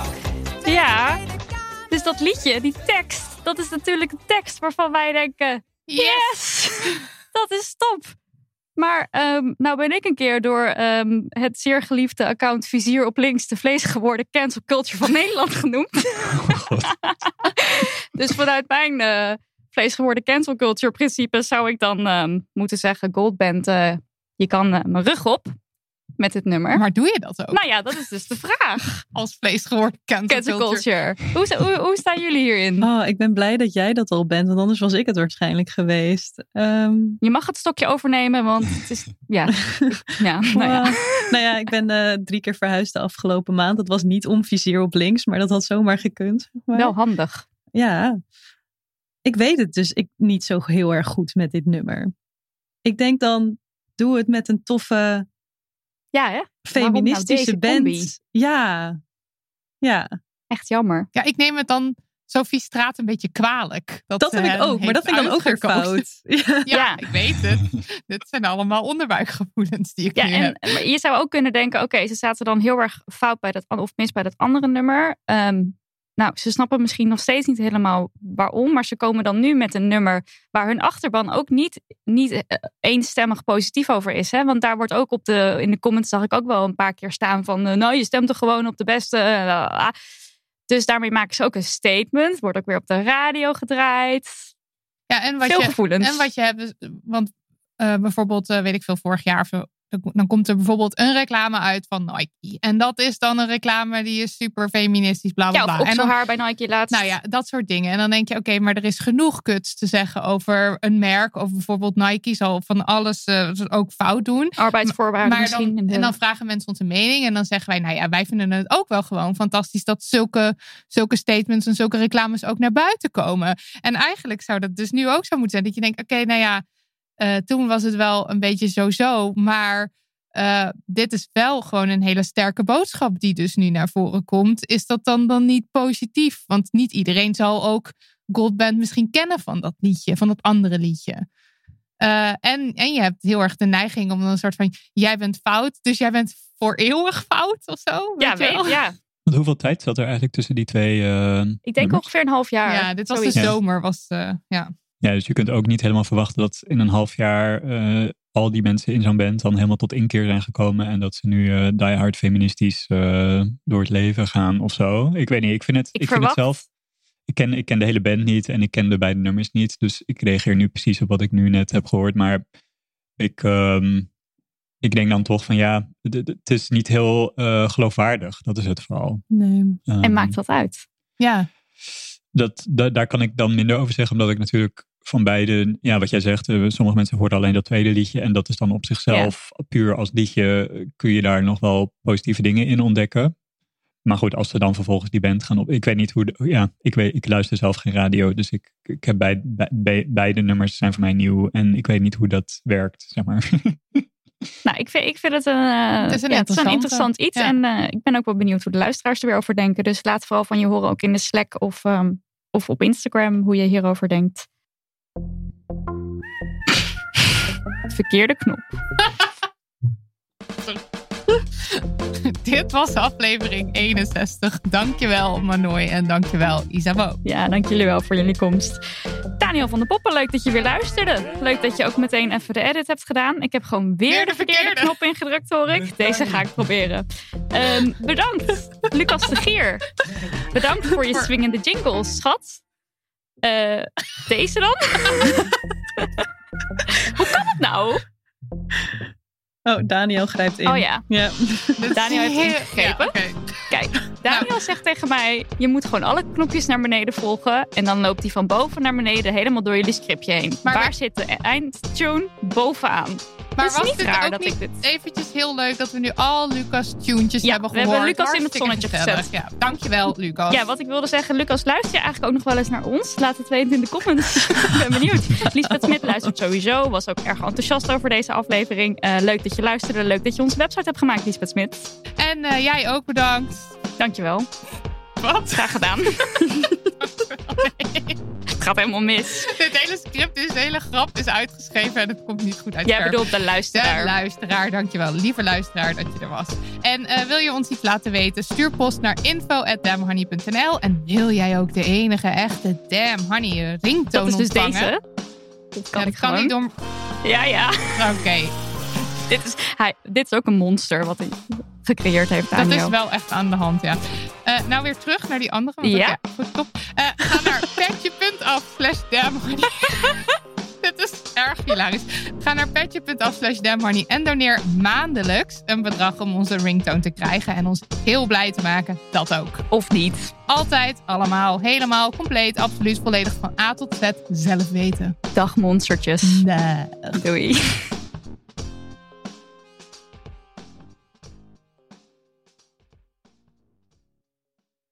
Kussens, bedden, matrassen, beddengoed. Emma Sleep heeft het allemaal. Ga naar emma-sleep.nl om van jouw slaapkamer een slaapparadijs te maken. Er is nu moederdag sale gaande met kortingen die oplopen tot wel 50%. Gebruik de code DAMHONEY voor nog eens 10% korting daarbovenop.